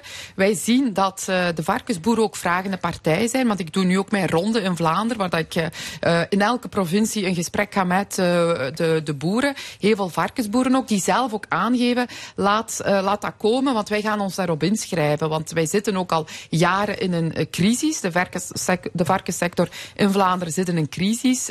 heel weinig afzetmarkt. En we hebben daar ook de nodige budgetten voor vrijgemaakt om een warme sanering te doen ja, snap eigenlijk ik. Maar zetten de, de, boeren de hakken in het zand?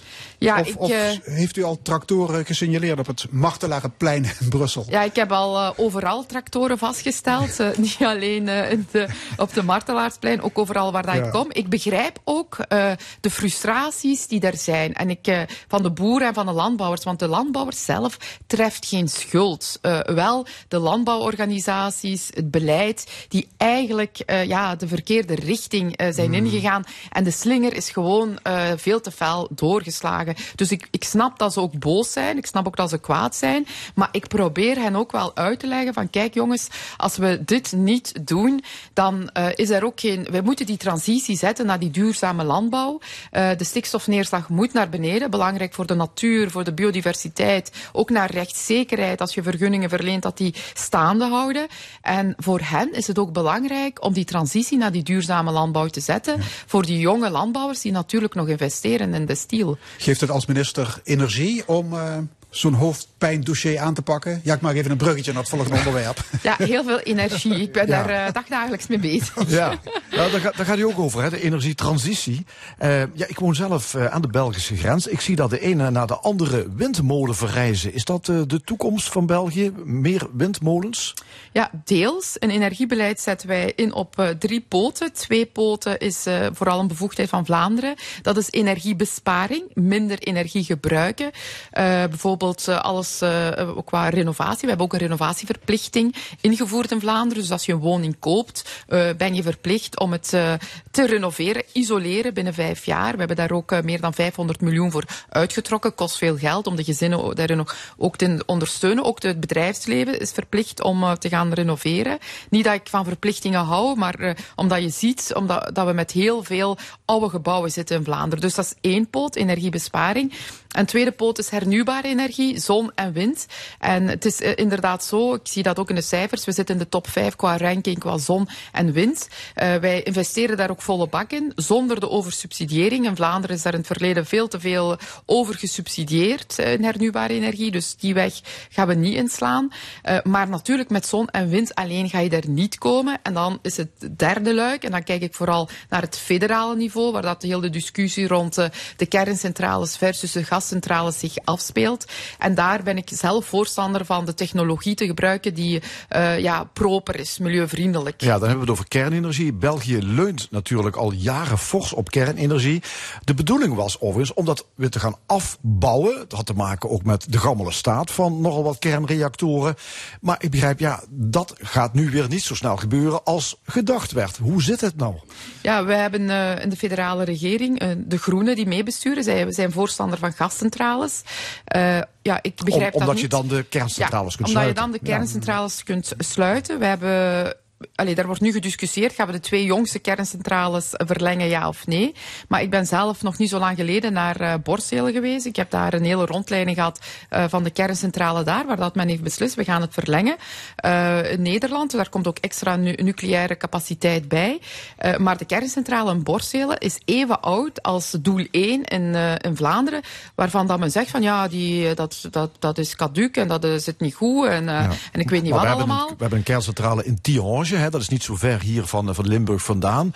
Waar scheurtjes in de reactor zijn, uh, zijn vastgesteld. Mensen maken zich daar behoorlijk zorgen over. Niet alleen in, in, België, maar ook in Nederland, in Duitsland, zelfs in Luxemburg. Internationaal is daar grote ja, uh, verontwaardiging over het feit dat die kerncentrale gewoon open blijft. Ja, belangrijk is natuurlijk als je een verleng, als je beslist als beleidsmaker. Ik denk ook dat men dat veel eerder had moeten beslissen om te zeggen we gaan de kerncentrales verlengen. Dan moet dat ook natuurlijk op een veilige manier uh, gebeuren. Daar zijn allerlei procedures. Dat is niet met ene knop. Dus dat moet wel veilig gebeuren. En twee is natuurlijk ook de afval, waar dat ook uh, een oplossing voor moet zijn. Dus die twee zaken zijn voor mij ook uh, bijzonder belangrijk. Maar als je over energie spreekt, energiebeleid, we zien internationaal Rusland, Oekraïne, het verhaal rond uh, de gas. We moeten af van gas, fossiel. ik probeer dat ook in Vlaanderen aan één ieder, als we aan het bouwen zijn. we hebben een aardgasverbod ook ingevoerd vanaf 2025 in nieuwbouw. Ja, dan is het natuurlijk wel heel moeilijk te begrijpen voor de Vlamingen bij ons dat dan die diezelfde overheid uh, wilt investeren in gascentrales. Die Ja. gas zal ook natuurlijk van ergens moeten komen. Ja, wat, wat u betreft, al- als N-VA-minister zegt u, kernenergie is gewoon noodzakelijk voor de toekomst van België? Ja, ik ben wel niet bevoegd voor kernenergie, maar als ik de literatuur lees, de, wetenschappers, ook uh, de VN-klimaatcommissies, men zegt daar ook heel duidelijk, uh, men is daar ook voorschrijdend inzicht, ja, we hebben de luxe niet meer om zomaar te zeggen dat kernenergie niet kan. We zitten met een grote uitdaging qua klimaatopwarming. Als ik zie welke maatregelen wij allemaal moeten nemen, niet alleen in Vlaanderen, maar wereldwijd, om dan te zeggen, ja, we gaan dan toch overschakelen naar gascentrales, ja, dat verhaal klopt niet. Dus uh, ja, ik zie dat daar ook de, de geesten aan het rijpen zijn om te zeggen, kernenergie zal ook wel een deel uitmaken van die hernieuwbare energie. U heeft uh, ja, energie in uw portefeuille, uh, stikstof, maar ook justitie, handhaving en toerisme. Vindt u dat Vlaanderen meer toeristen moet trekken of zegt u het is uh, mooi zo? Ja, we moeten een uh, goed evenwicht hebben. Dus vandaar dat we ook voor corona, en dat is uh, opgepikt door de New York Times, uh, waar we begonnen met het verhaal van reizen naar morgen. En dat betekent dat we vooral de meerwaarde toerist naar Vlaanderen willen trekken. Die ook wel, waar dat ook aandacht is voor de lokale ja, omgeving, de bewoners, de middenstand. want bijvoorbeeld een Brugge. Toch, toch, toch de toerist die wat geld achterlaat, bedoel Ja, toch wel. Ja, de, ja. de goede toerist. Hè. Ik kijk dan vooral naar de Nederlanders. zijn uh, heel goede toeristen. Wij hebben ze graag. In Vlaanderen uh, zijn ook uh, meestal heel vriendelijke mensen. Geven ook veel uit. eten ook heel graag. Ja. En, en, bij ons in Vlaanderen is de gastronomie natuurlijk okay, even maar, goed. Maar, maar steden als Gent en Brugge, die ondervinden de grootst mogelijke ellende van dat massatoerisme. Ja, vandaar dat we ook niet zozeer op zoek zijn naar die massatoerisme. zeker Brugge en Gent heeft daar voor corona mee te kampen gehad. Wij, wij zetten nu echt wel in op die meerwaarde bezoekers. Uh, inzetten op kunststeden, maar we okay, hebben nu wel dus, een extra dus elan. minder, minder bezoekers, maar meer spin-off. Ja, financieel. klopt, zoiets. inderdaad. Okay. Ja. Maar dat we ook de aandacht we zetten op natuur. Dus we proberen ook uh, de bezoekers die uh, van natuur houden. Denk maar aan uh, Rivierpark Maasvallei, niet zo ja, van hier. Vorig jaar heeft u een oproep gedaan. Iedere streek kan in België een landschapspark of een nationaal park worden. En inmiddels zijn er 13 gebieden overgebleven, waaronder de voerstreek. Wat, wat schiet je ermee op als je zo'n predicaat binnenhengelt? Ja, je één uh, sowieso uh, extra centen, uh, financiële middelen om te investeren in een label, om dat ook uit te bouwen. ook in uw toeristisch beleid wordt dat ook meegenomen. En we zien wel dat er heel veel ja, streken hebben meegedaan. Ook de Voeren, Rivierpark, de Maasvallei heeft ook meegedaan. Dus waarschijnlijk ja, ook en, wel de Voerstreek doet het samen met ons Heuveland. Ja, klopt. En ze noemen zich grenzeloos bocagelandschap. Ja, dat is bocage is Frans hè, voor uh, coulissenlandschap. Weet u wat dat is? Uh, coulissenlandschap? Uh... Het, het, open gebied hebben we begrepen met hagen open ruimte, en graften. Ja, open en ruimte, inderdaad. Bosranden. Uh, bossen, prachtig landschap ook een voeren. En ook belangrijk dat uh, Nederland daar ook aan meewerkt. Uh, dus ik denk dat dat een, een, grote kanshebber is ook om een aanmerking te komen. Okay, maar mag dat volgens de spelregels? Een stukje, ja, dat, stukje buitenland? Dat, dat mag. Wij zijn okay. ook goede buren. en ik, ik heb een grote voorliefde voor Nederland. Ja, dus en dat landschap is trouwens hetzelfde, hè? Die landschap trekt je niks aan van. Is even mooi, inderdaad. Kent geen grenzen, ja. klopt. Net zoals um, stikstof ook geen grens kent. Nee, helaas. Nu we het toch over uh, de natuur hebben. U stond vorige week op de cover van de Humo. En u zat onder de bijen. En dat was geen photoshopte... Nee, dat was, dat was nee, echt. Dat was uh, helemaal echt. Met een uh, goede imker hebben we dat ook uh, in elkaar gestoken. En de reden daarvoor was vooral om de problematiek onder de aandacht te zetten. Ook op de politieke agenda te zetten. Het gaat slecht met de bijen in Vlaanderen, maar eigenlijk wereldwijd. En ja, als we weten dat 80% van de plantensoorten in Vlaanderen die bijen nodig hebben, maar ook fruit en groente, alles wat dat we eten op ons bord. en als, dat, als, als de bijenpopulatie wegvalt, hebben we een heel groot probleem. Want daar sterven we allemaal uit, geloof ik, hè? Ja, klopt, inderdaad. Dat, uh, dat is het uh, begin van alles. En vandaar, uh, we hebben nu ook een bestuiversplan in Vlaanderen gemaakt met heel wat maatregelen. Minder pesticiden gebruik om, en ook ruimtes waar dat die bij zich ook kunnen ja. nestelen. Om, om daar toch de nodige aandacht op te trekken. Ja, bij ons zijn er te veel amateurimkers. Want honingbijen, die verdrijven wilde wilde bij. Ja, zo is er altijd wat, hè? En zo is het altijd wat. Dus ook daar uh, zal er ook uh, gezocht moeten worden naar een, een gezond en goed evenwicht. Gezond en goed evenwicht. Mooi. Hartelijk dank voor uw komst. Zuhal Demir, minister van Energie in de Vlaamse regering.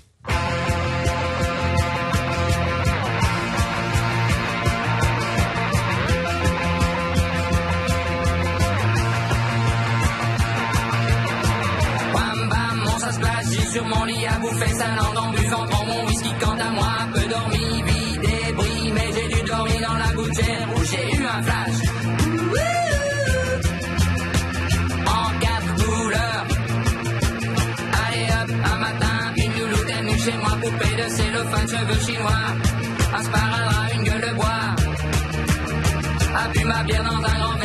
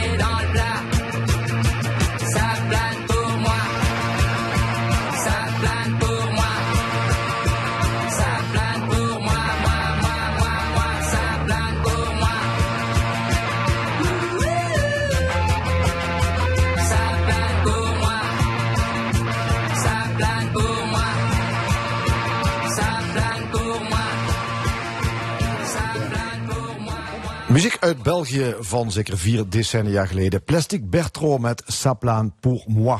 Dit is L1 en u luistert naar De Stemming over politiek, cultuur en samenleving. Elke zondag van 11 tot 1. De column. Vandaag met Nina Bokken. Alles van waarde is weerloos. Het is een zin uit een gedicht van de Nederlandse dichter Lutje Ber. De frase wordt door iedereen naar eigen believen geïnterpreteerd en prijkt zelfs in neonletters op het gebouw van een grote verzekeringsmaatschappij. In die context heeft het zelfs wat sadistisch als je het mij vraagt. Het is ook een zin die de afgelopen week vaker bij me opkwam bij het volgen van het nieuws. Het begon met de taart die door het Louvre vloog, richting de Mona Lisa. Hij werd gegooid en vervolgens uitgesmeerd door een Franse klimaatactivist. Het schilderij bleef trouwens ongeschonden, er zit namelijk een glasplaat voor. Wat heeft de Mona Lisa in godsnaam te maken met het klimaat, dacht ik in eerste instantie. Maar het museum kampte jaren geleden al met een bezoekersstroom die niet te reguleren viel. Gemiddeld genomen waren er 32.000 mensen per dag. En de zaal waar de Mona Lisa hangt is vaak zo vol met dringende toeristen dat bezoekers maar een glimp opvangen. Met hun smartphone wel te verstaan. Waarschijnlijk om het duurste schilderij ter wereld te kunnen zien en niet om de ideeën die Leonardo da Vinci als mens had over de wereld te begrijpen. De kunstenaar en uitvinder was een tijd ver vooruit. Hij ging in tegen de principes van de kerk, was vegetariër, was vermeend homoseksueel en deed aan wetenschap avant la lettre. Hij probeerde verschijnselen te verklaren aan de hand van theoretisch onderzoek, keek heel goed naar details en naar het verband tussen oorzaak en gevolg. Daarbij speelde de natuur en de mens een grote rol. Zijn droom was om ooit te kunnen vliegen en hij ontwierp dan ook vliegmachines. Maar die ideeën werden nooit uitgevoerd. Hoe Da Vinci nu tegen zijn luchtkastelen zou aankijken, vraag ik me af. Met het miljoenen staatssteun vretende KLM, de uitpuilende vertrekhallen van Schiphol en de klimaatcrisis. De droom van de kunstenaar om ooit überhaupt te kunnen vliegen is in Maastricht de droom om te kunnen blijven vliegen. En die laatste is wel uitgekomen. Het vliegveld krijgt groen licht voor een landingsbaan die tussen de 35 en 47 miljoen gaat kosten. De algehele kosten om de luchthaven open te houden kunnen oplopen tot 165 miljoen. Oké, oké. Laten we het relativeren. De Mona Lisa is met een waarde van 790 miljoen euro duurder.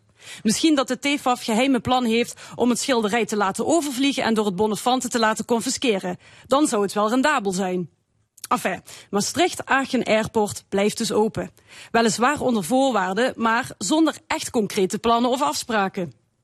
Waar Da Vinci gedetailleerde ideeën en schetsen had die nooit werden uitgevoerd, worden hier ideeën uitgevoerd waar geen concrete plannen of schetsen voor bestaan. Het doet denken aan het braakliggende terrein bij VDL Netcar, waar ooit een bos stond. Dat werd gekaapt voor, ja, waarvoor eigenlijk? Dingen opgeven die niet zijn uit te drukken in geld, daaraan hangt op lange termijn ook een prijskaartje. Maar ja, dat is voor de volgende generaties. Zo jammer dat de mens in staat is om geweldige dingen uit te vinden die vervolgens worden ingezet om echt waardevolle zaken kapot te maken. Het verbaast me dat we daar toch elke keer weer met open ogen intrappen. We zien wat er gebeurt, we begrijpen wat de gevolgen zijn en toch zetten we er geen actie op. Hoe anders is dat bij de manier waarop deze week eindigde? Met afschuwelijk nieuws over een gebeurtenis die niemand had kunnen voorzien, die niet valt te bevatten en ook niet te beredeneren. Schilderijen, vliegtuigen en vakanties vallen daarbij even in het niet. Alles van waarde is weerloos. De column van Nina Bokke. We gaan naar het discussiepanel. Drie opiniemakers bespreken het nieuws van deze week. Vandaag over het vliegveld, DSM en de oorlog in Oekraïne. Ik heet van harte welkom de oud-Kamerleden Monique Quint van de Partij van de Arbeid, Karel Leunissen van het CDA en Jan de Wit van de SP. Maastricht-Aachen Airport blijft open. Dat hebben provinciale staten vrijdag besloten. Eindelijk is eh, de knoop doorgehakt. GroenLinks spreekt van een historisch onjuist besluit. Jan de Wit, SP, sluit je daarbij aan? Ja, ehm, deze keer ben ik het eh, eens met, uh, met GroenLinks. Uh, iedereen heeft er heel lang naar uitgekeken. Hè. De discussie is altijd uh, gezegd, nou in juni, dan gaan we de beslissing nemen. Ehm, en de provinciale staten had nu de kans om gewoon een eind aan te maken. een eind aan de overlast van de omwonenden, de gezondheidsschade, de milieuschade, de economische schade voor, voor onze regio en de financiële uh, impact die dat uh, bestaan van dat uh, vliegveld heeft. Dus er waren een heleboel redenen om er gewoon een punt achter te zetten. En wat er nu ligt, is dus eigenlijk gewoon, we houden het open. en een halfzacht amendement. ik weet niet of we daar nog uitgebreider op terugkomen. Maar het is gewoon een halfzacht amendement. Uh, er wordt ja, daar kom ik inderdaad nog op terug. Maar Jan, de Limburgse kiezer heeft met de laatste statenverkiezingen rechts gestemd. Op CDA, VVD, uh, PVV, Forum dan krijg je zo'n uitslag. Zo werkt democratie. Ja, dat is dat, uh, natuurlijk. Uh, zo, zo werkt uh, de democratie. Het betekent niet dat je moet proberen fouten die mensen in het hoofd hebben of foute ideeën te corrigeren. En dit is echt een heel fout idee. Um, het kost de provincie, heel banaal gezegd, kost de provincie nu al, hè, op grond van dit besluit, gaat er 45 miljoen uh, gaat er weer uh, geïnvesteerd worden in, uh, in onderhoud, achterstallig onderhoud en weet ik het allemaal wat. Dat wordt dus nu al uitgegeven. Terwijl er dus een punt was gekomen dat we nu kunnen zeggen... laten we ermee stoppen, want er is geen enkel perspectief voor dit vliegveld. De stemverhouding was 25 voor, 20 tegen. Karel Leunissen, dat is een krappe meerderheid voor zo'n ingrijpend besluit. Natuurlijk. Maar ja, dat is kant, kantje boord. Dat is de basis van de democratie. Als je, de, als je één zetel meerderheid hebt, dan, dan heb je ook gewonnen. Dat is een democratische afweging. En uh, ik denk dat, dat men goed overwogen heeft. En ik ben ook uh, het niet eens met Jan dat dat een foute beslissing is geweest. Ik denk dat het op zich een goede beslissing is. Ik denk ook goed, dat moet ik er wel bij zeggen, dat het amendement is aangenomen.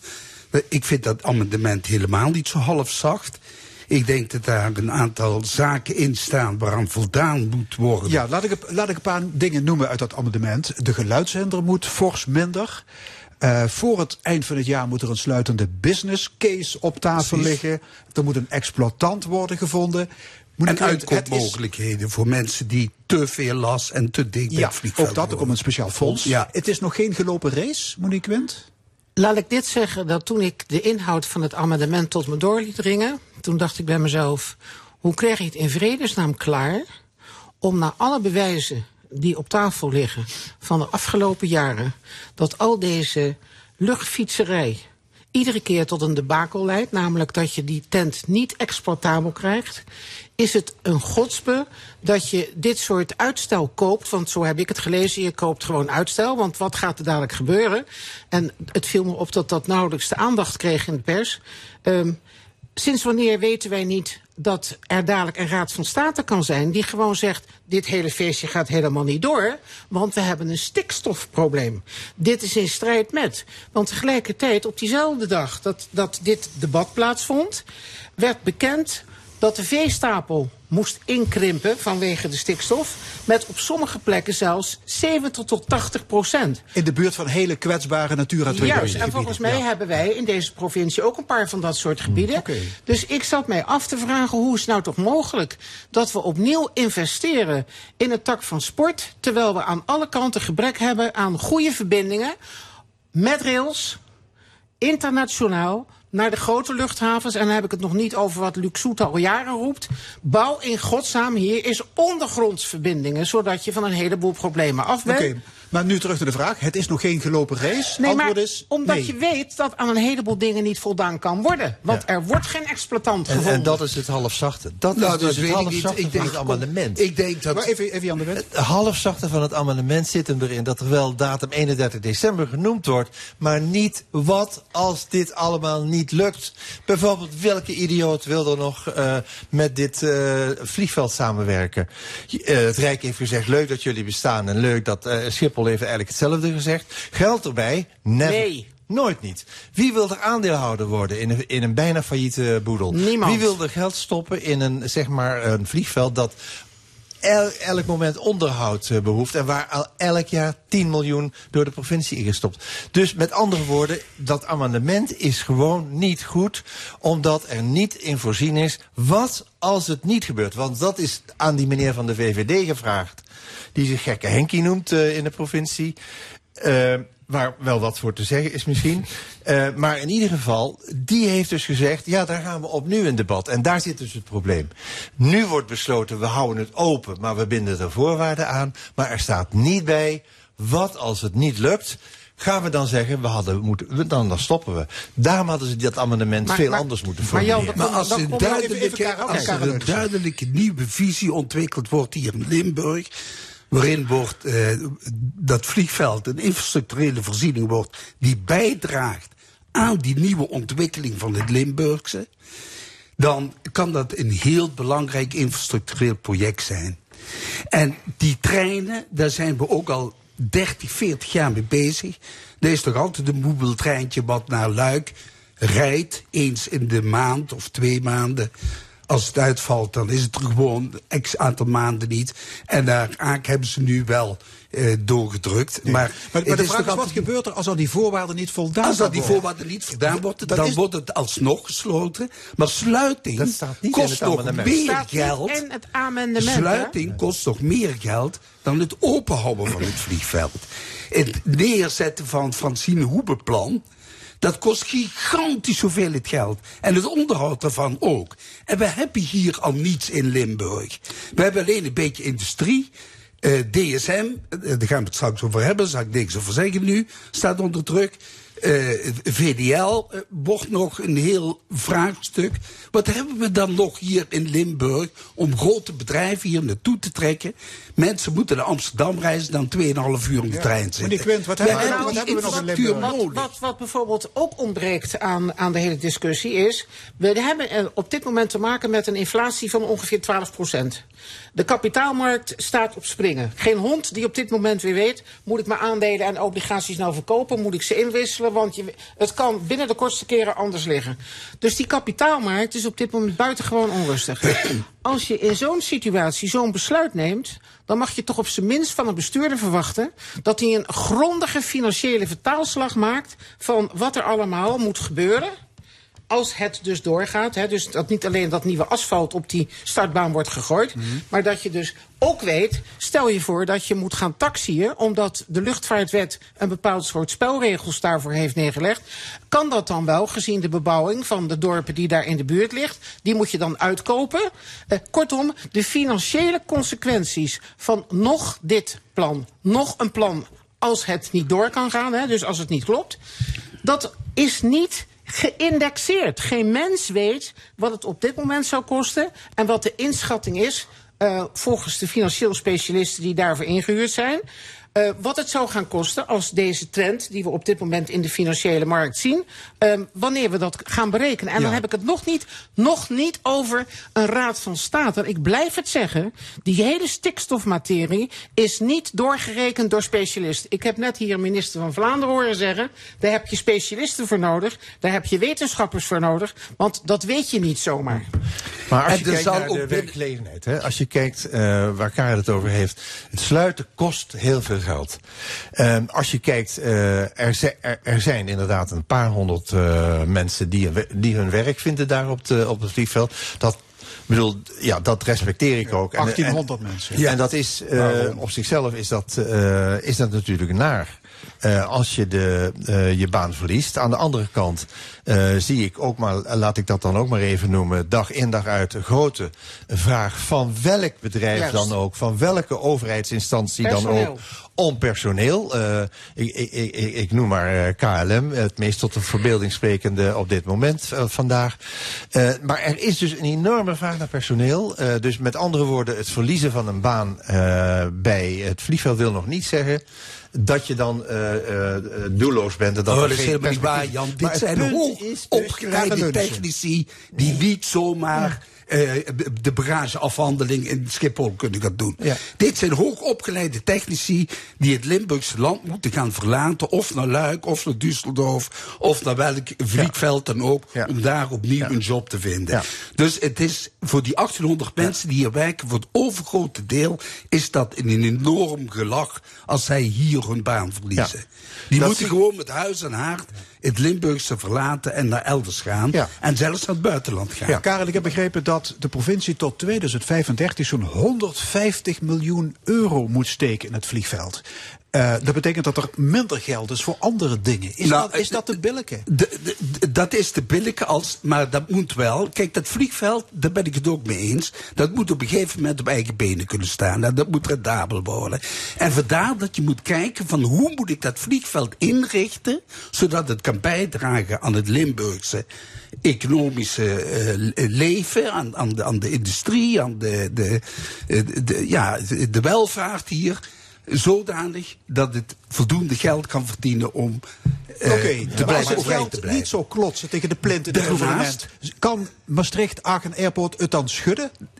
Dat is zeker zo. Maar daarnaast, Harbers zegt nu, ik steek geen geld daarin.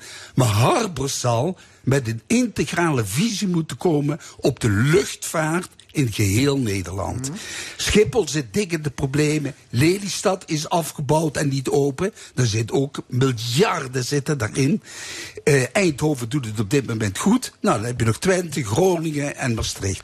Die moeten tot een integrale visie komen. Hoe gaan we die, dat vliegverkeer over Nederland verdelen. Ja, maar... En het kan best zijn dat als je een samenwerking hebt met Duitsland en België, Belgisch Limburg en Noord-Rijn-Westfalen, dat je tot een bepaalde uh, centrale positie voor het Maastrichtse vliegveld kunt komen. Niet een uitgebreid groot vliegveld met vrachtvluchten en weet ik wat al die meer. Maar geënt op datgene wat nodig is. Ja, maar mag ik dan daar... En dan kan het ook ja. overeind blijven. Maar, en dan zal Harbers ook moeten investeren in het vliegveld de. Karel, dat is allemaal prachtig. Maar als je dan jezelf wijs maakt... Want ik word uh, misselijkmakend, vind ik het... dat er voortdurend gesuggereerd wordt... dat duurzaamheid vertaald wordt in elektrisch vliegen. Ehm, ik heb dat aan technici eens gevraagd. Wat kost de, hoeveel tijd kost het om dit innovatieve proces überhaupt uitvoerbaar te verklaren? Dan praat je over decennia.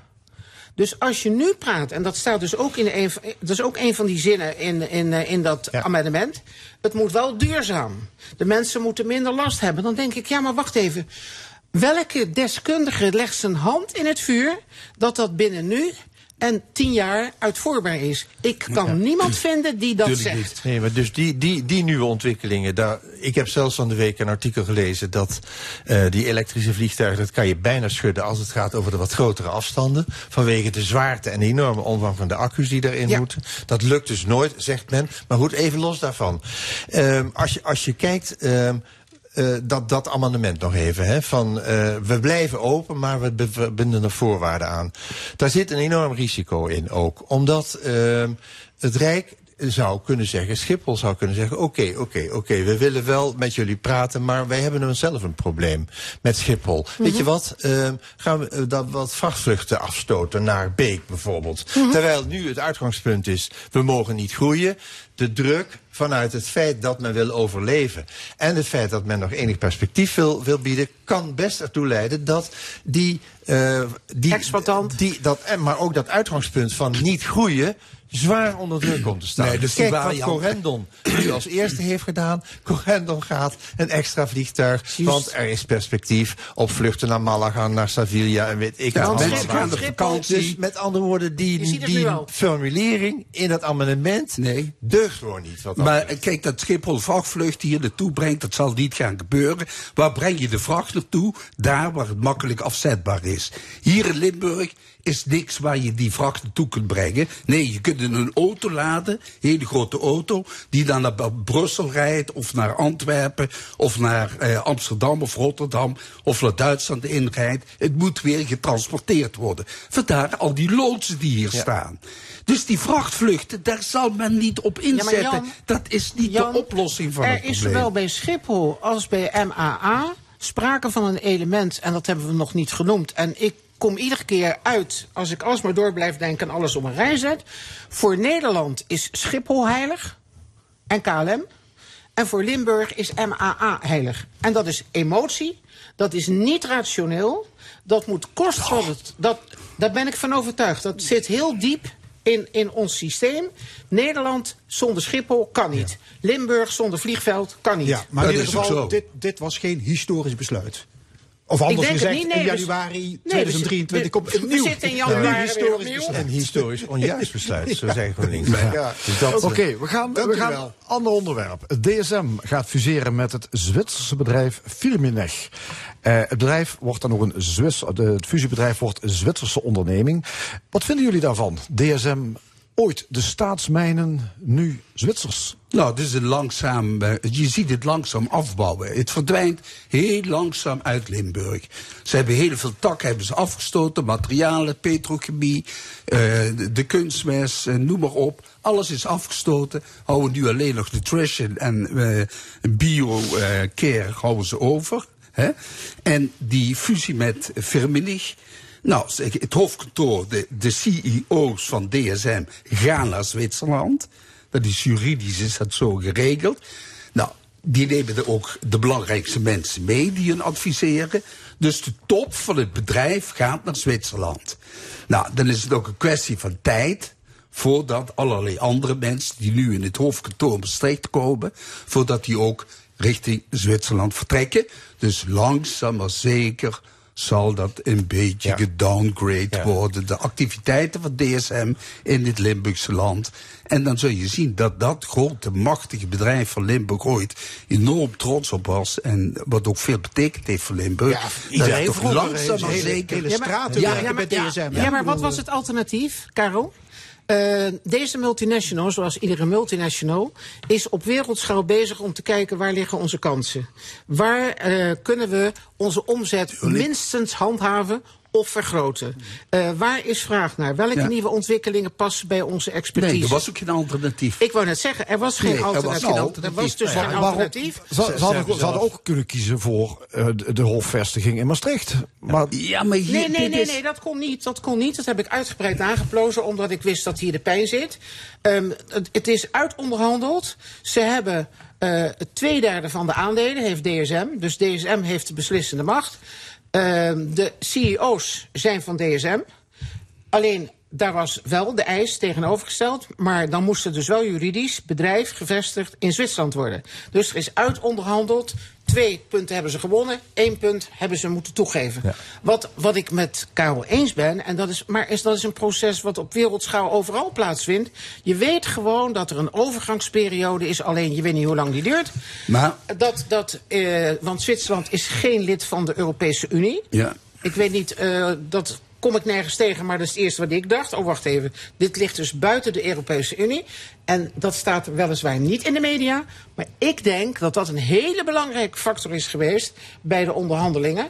Omdat ze zich dus aan een aantal zaken die binnen Brussel op het gebied van de business, die ze dus nu als primaire business gaan eh, nastreven, ehm, dat ze veel vrijer zijn wanneer ze alleen maar te maken hebben met het Zwitsers recht. Oké. Ja. Is het in dus een fiscaal opzicht gunstiger dat eh Nou, niet alleen, DSM fis- statutair... niet, niet, maar- niet, niet alleen fiscaal, ook als het gaat om spelregels die te maken hebben met de spullen die ze maken. Ten opzichte van de economische ontwikkeling en de innovatie.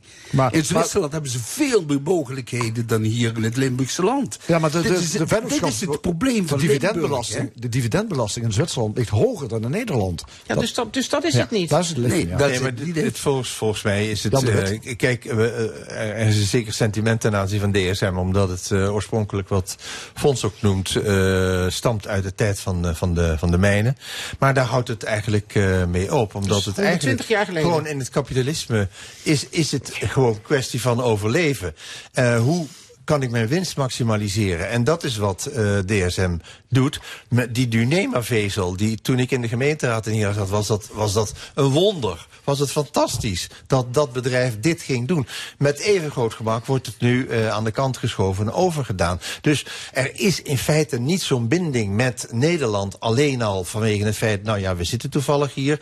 Als het beter uitkomt en ook financieel eh, beter perspectief biedt, dan gaan we gewoon in Zwitserland Nou, zei zitten. En wat dat betreft zou Monique inderdaad, denk ik, ook wel eens gelijk kunnen hebben. Dat eh, Zwitserland wat dat betreft minder gebonden is aan de controle van de, De van de EU. economische ontwikkelingsmogelijkheden zijn daar veel groter dan hier in het Limburgse. Dat, dat is gewoon zo. Nee, überhaupt en dan heb je ook weer in Nederland überhaupt, maar met name hier in Limburg, waar de infrastructuur gewoon te gering is, waar de samenwerking met Noord-Rijn-Westfalen en Belgisch Limburg ook nog altijd op een laag pitje staat, helaas, onbegrijpelijk, maar helaas. En waar de ontwikkelingsmogelijkheden van DSM als, grote multi-international gewoon te beperkt zijn. Maar Karel, maar ik vind het leuk dat je het nu, nu zelf aangeeft waarom ik iedere keer opnieuw, als het over vliegen gaat, denk... maak nou in godsnaam die infrastructuur die te maken heeft met wat je nu zegt... de samenwerking met bedrijven, het woon-werkverkeer van mensen die hier wonen... maar die hun baan elders hebben. Dat dat even normaal is dat je... want ik bedoel, wat is Luik helemaal als je er naartoe moet? Hè? Je kan zeggen, ja, maar als je geen auto hebt, inderdaad... dan ben je, dan ben je de klos. Eh, maar het is natuurlijk een afstand van niks. Dus het is te debiel voor woorden dat wij nog steeds geen snelle verbinding hebben hier met Luik. En datzelfde geldt ook voor een heleboel plekken in Duitsland. Dus je kan niet mee profiteren van de economische ontwikkeling die voor het grijpen ligt. maar één, één aspect is buiten, buiten beschouwing eh, gelaten, wat ik erover eh, gezien heb tot nu toe. En dat is de vraag, wat gebeurt er met die mensen van DSM in Delft, die daar in een laboratorium werken? Wat gebeurt er met Daar mensen... wordt in geïnvesteerd, zeg ik. Ja, maar eh, al dan heb ik het over de lange termijn. Hè. Wat gebeurt er met de mensen die hier nog eh, voor DSM werken, van wat er over is? Daar wordt niet over gesproken. Maar ik ben heel erg benieuwd wat daar eh, nu gezegd wordt door DSM over het toekomstperspectief van de mensen die hier Nou, werken. ze spreken dan Want het zou best zo kunnen zijn. Kijk, Zwi- Zwitserland, mijn eigen dochter heeft in Zwitserland gewerkt. Zwitserland heeft heel hard Mensen kennis nodig. En die hebben ze niet zelf. Ja, Althans, niet in die mate. Dus die zijn heel erg aangewezen op het buitenland. Dus die halen die kennis. Dus wat is het toekomstperspectief van mensen die hier nog werken... als je ziet dat de nadruk toch op Zwitserland eh, gaat liggen? Nee, maar dat, dat zie je natuurlijk ook bij de chipindustrie. Als je nagaat dat we eh, zelf hier in Nederland ongeveer de grootste ooit ontwikkeld hebben, waar de hele wereld naar keek, hoe is het mogelijk dat ze daar in dat kleine land zoiets presteren? Nou, wat merk je dus nu? Eh, je hebt één oorlog in de Oekraïne nodig en iedereen is in paniek, want we worden afhankelijk, veel te afhankelijk van elkaar.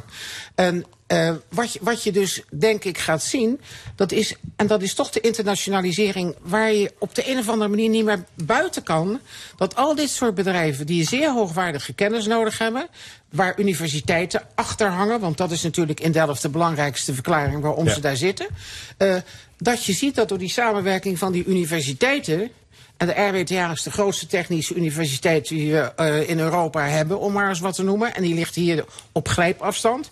Eh, dat je zult zien dat er netwerken gaan ontstaan. eh, waarin ook mensen op meerdere plekken ingezet worden. dat, dat gebeurt nu al in, de, in de, de grote industrieën. Omdat die kennis zo specifiek is. Goed, we gaan naar... Het heeft negatieve gevolgen, zoiets, hè, voor de Universiteit van Maastricht. Die eh, hoog gespecialiseerde mensen opleiden. Juist. En die het Limburgse allemaal gaan verlaten. Omdat er gewoon geen werkgelegenheid is. Denk er ook eens aan, hè? Ja, maar maakt die verbindingen dus eens beter. Goed, we gaan naar de sport.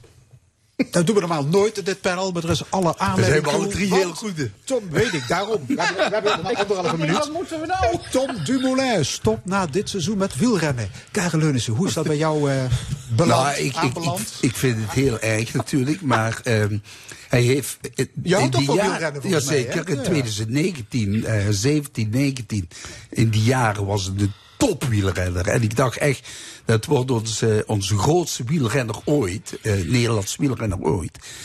En daarna is hij een beetje de versukkeling geraakt, ziek geworden. Ja, wat voor ziekte precies, dat weet ik ook niet.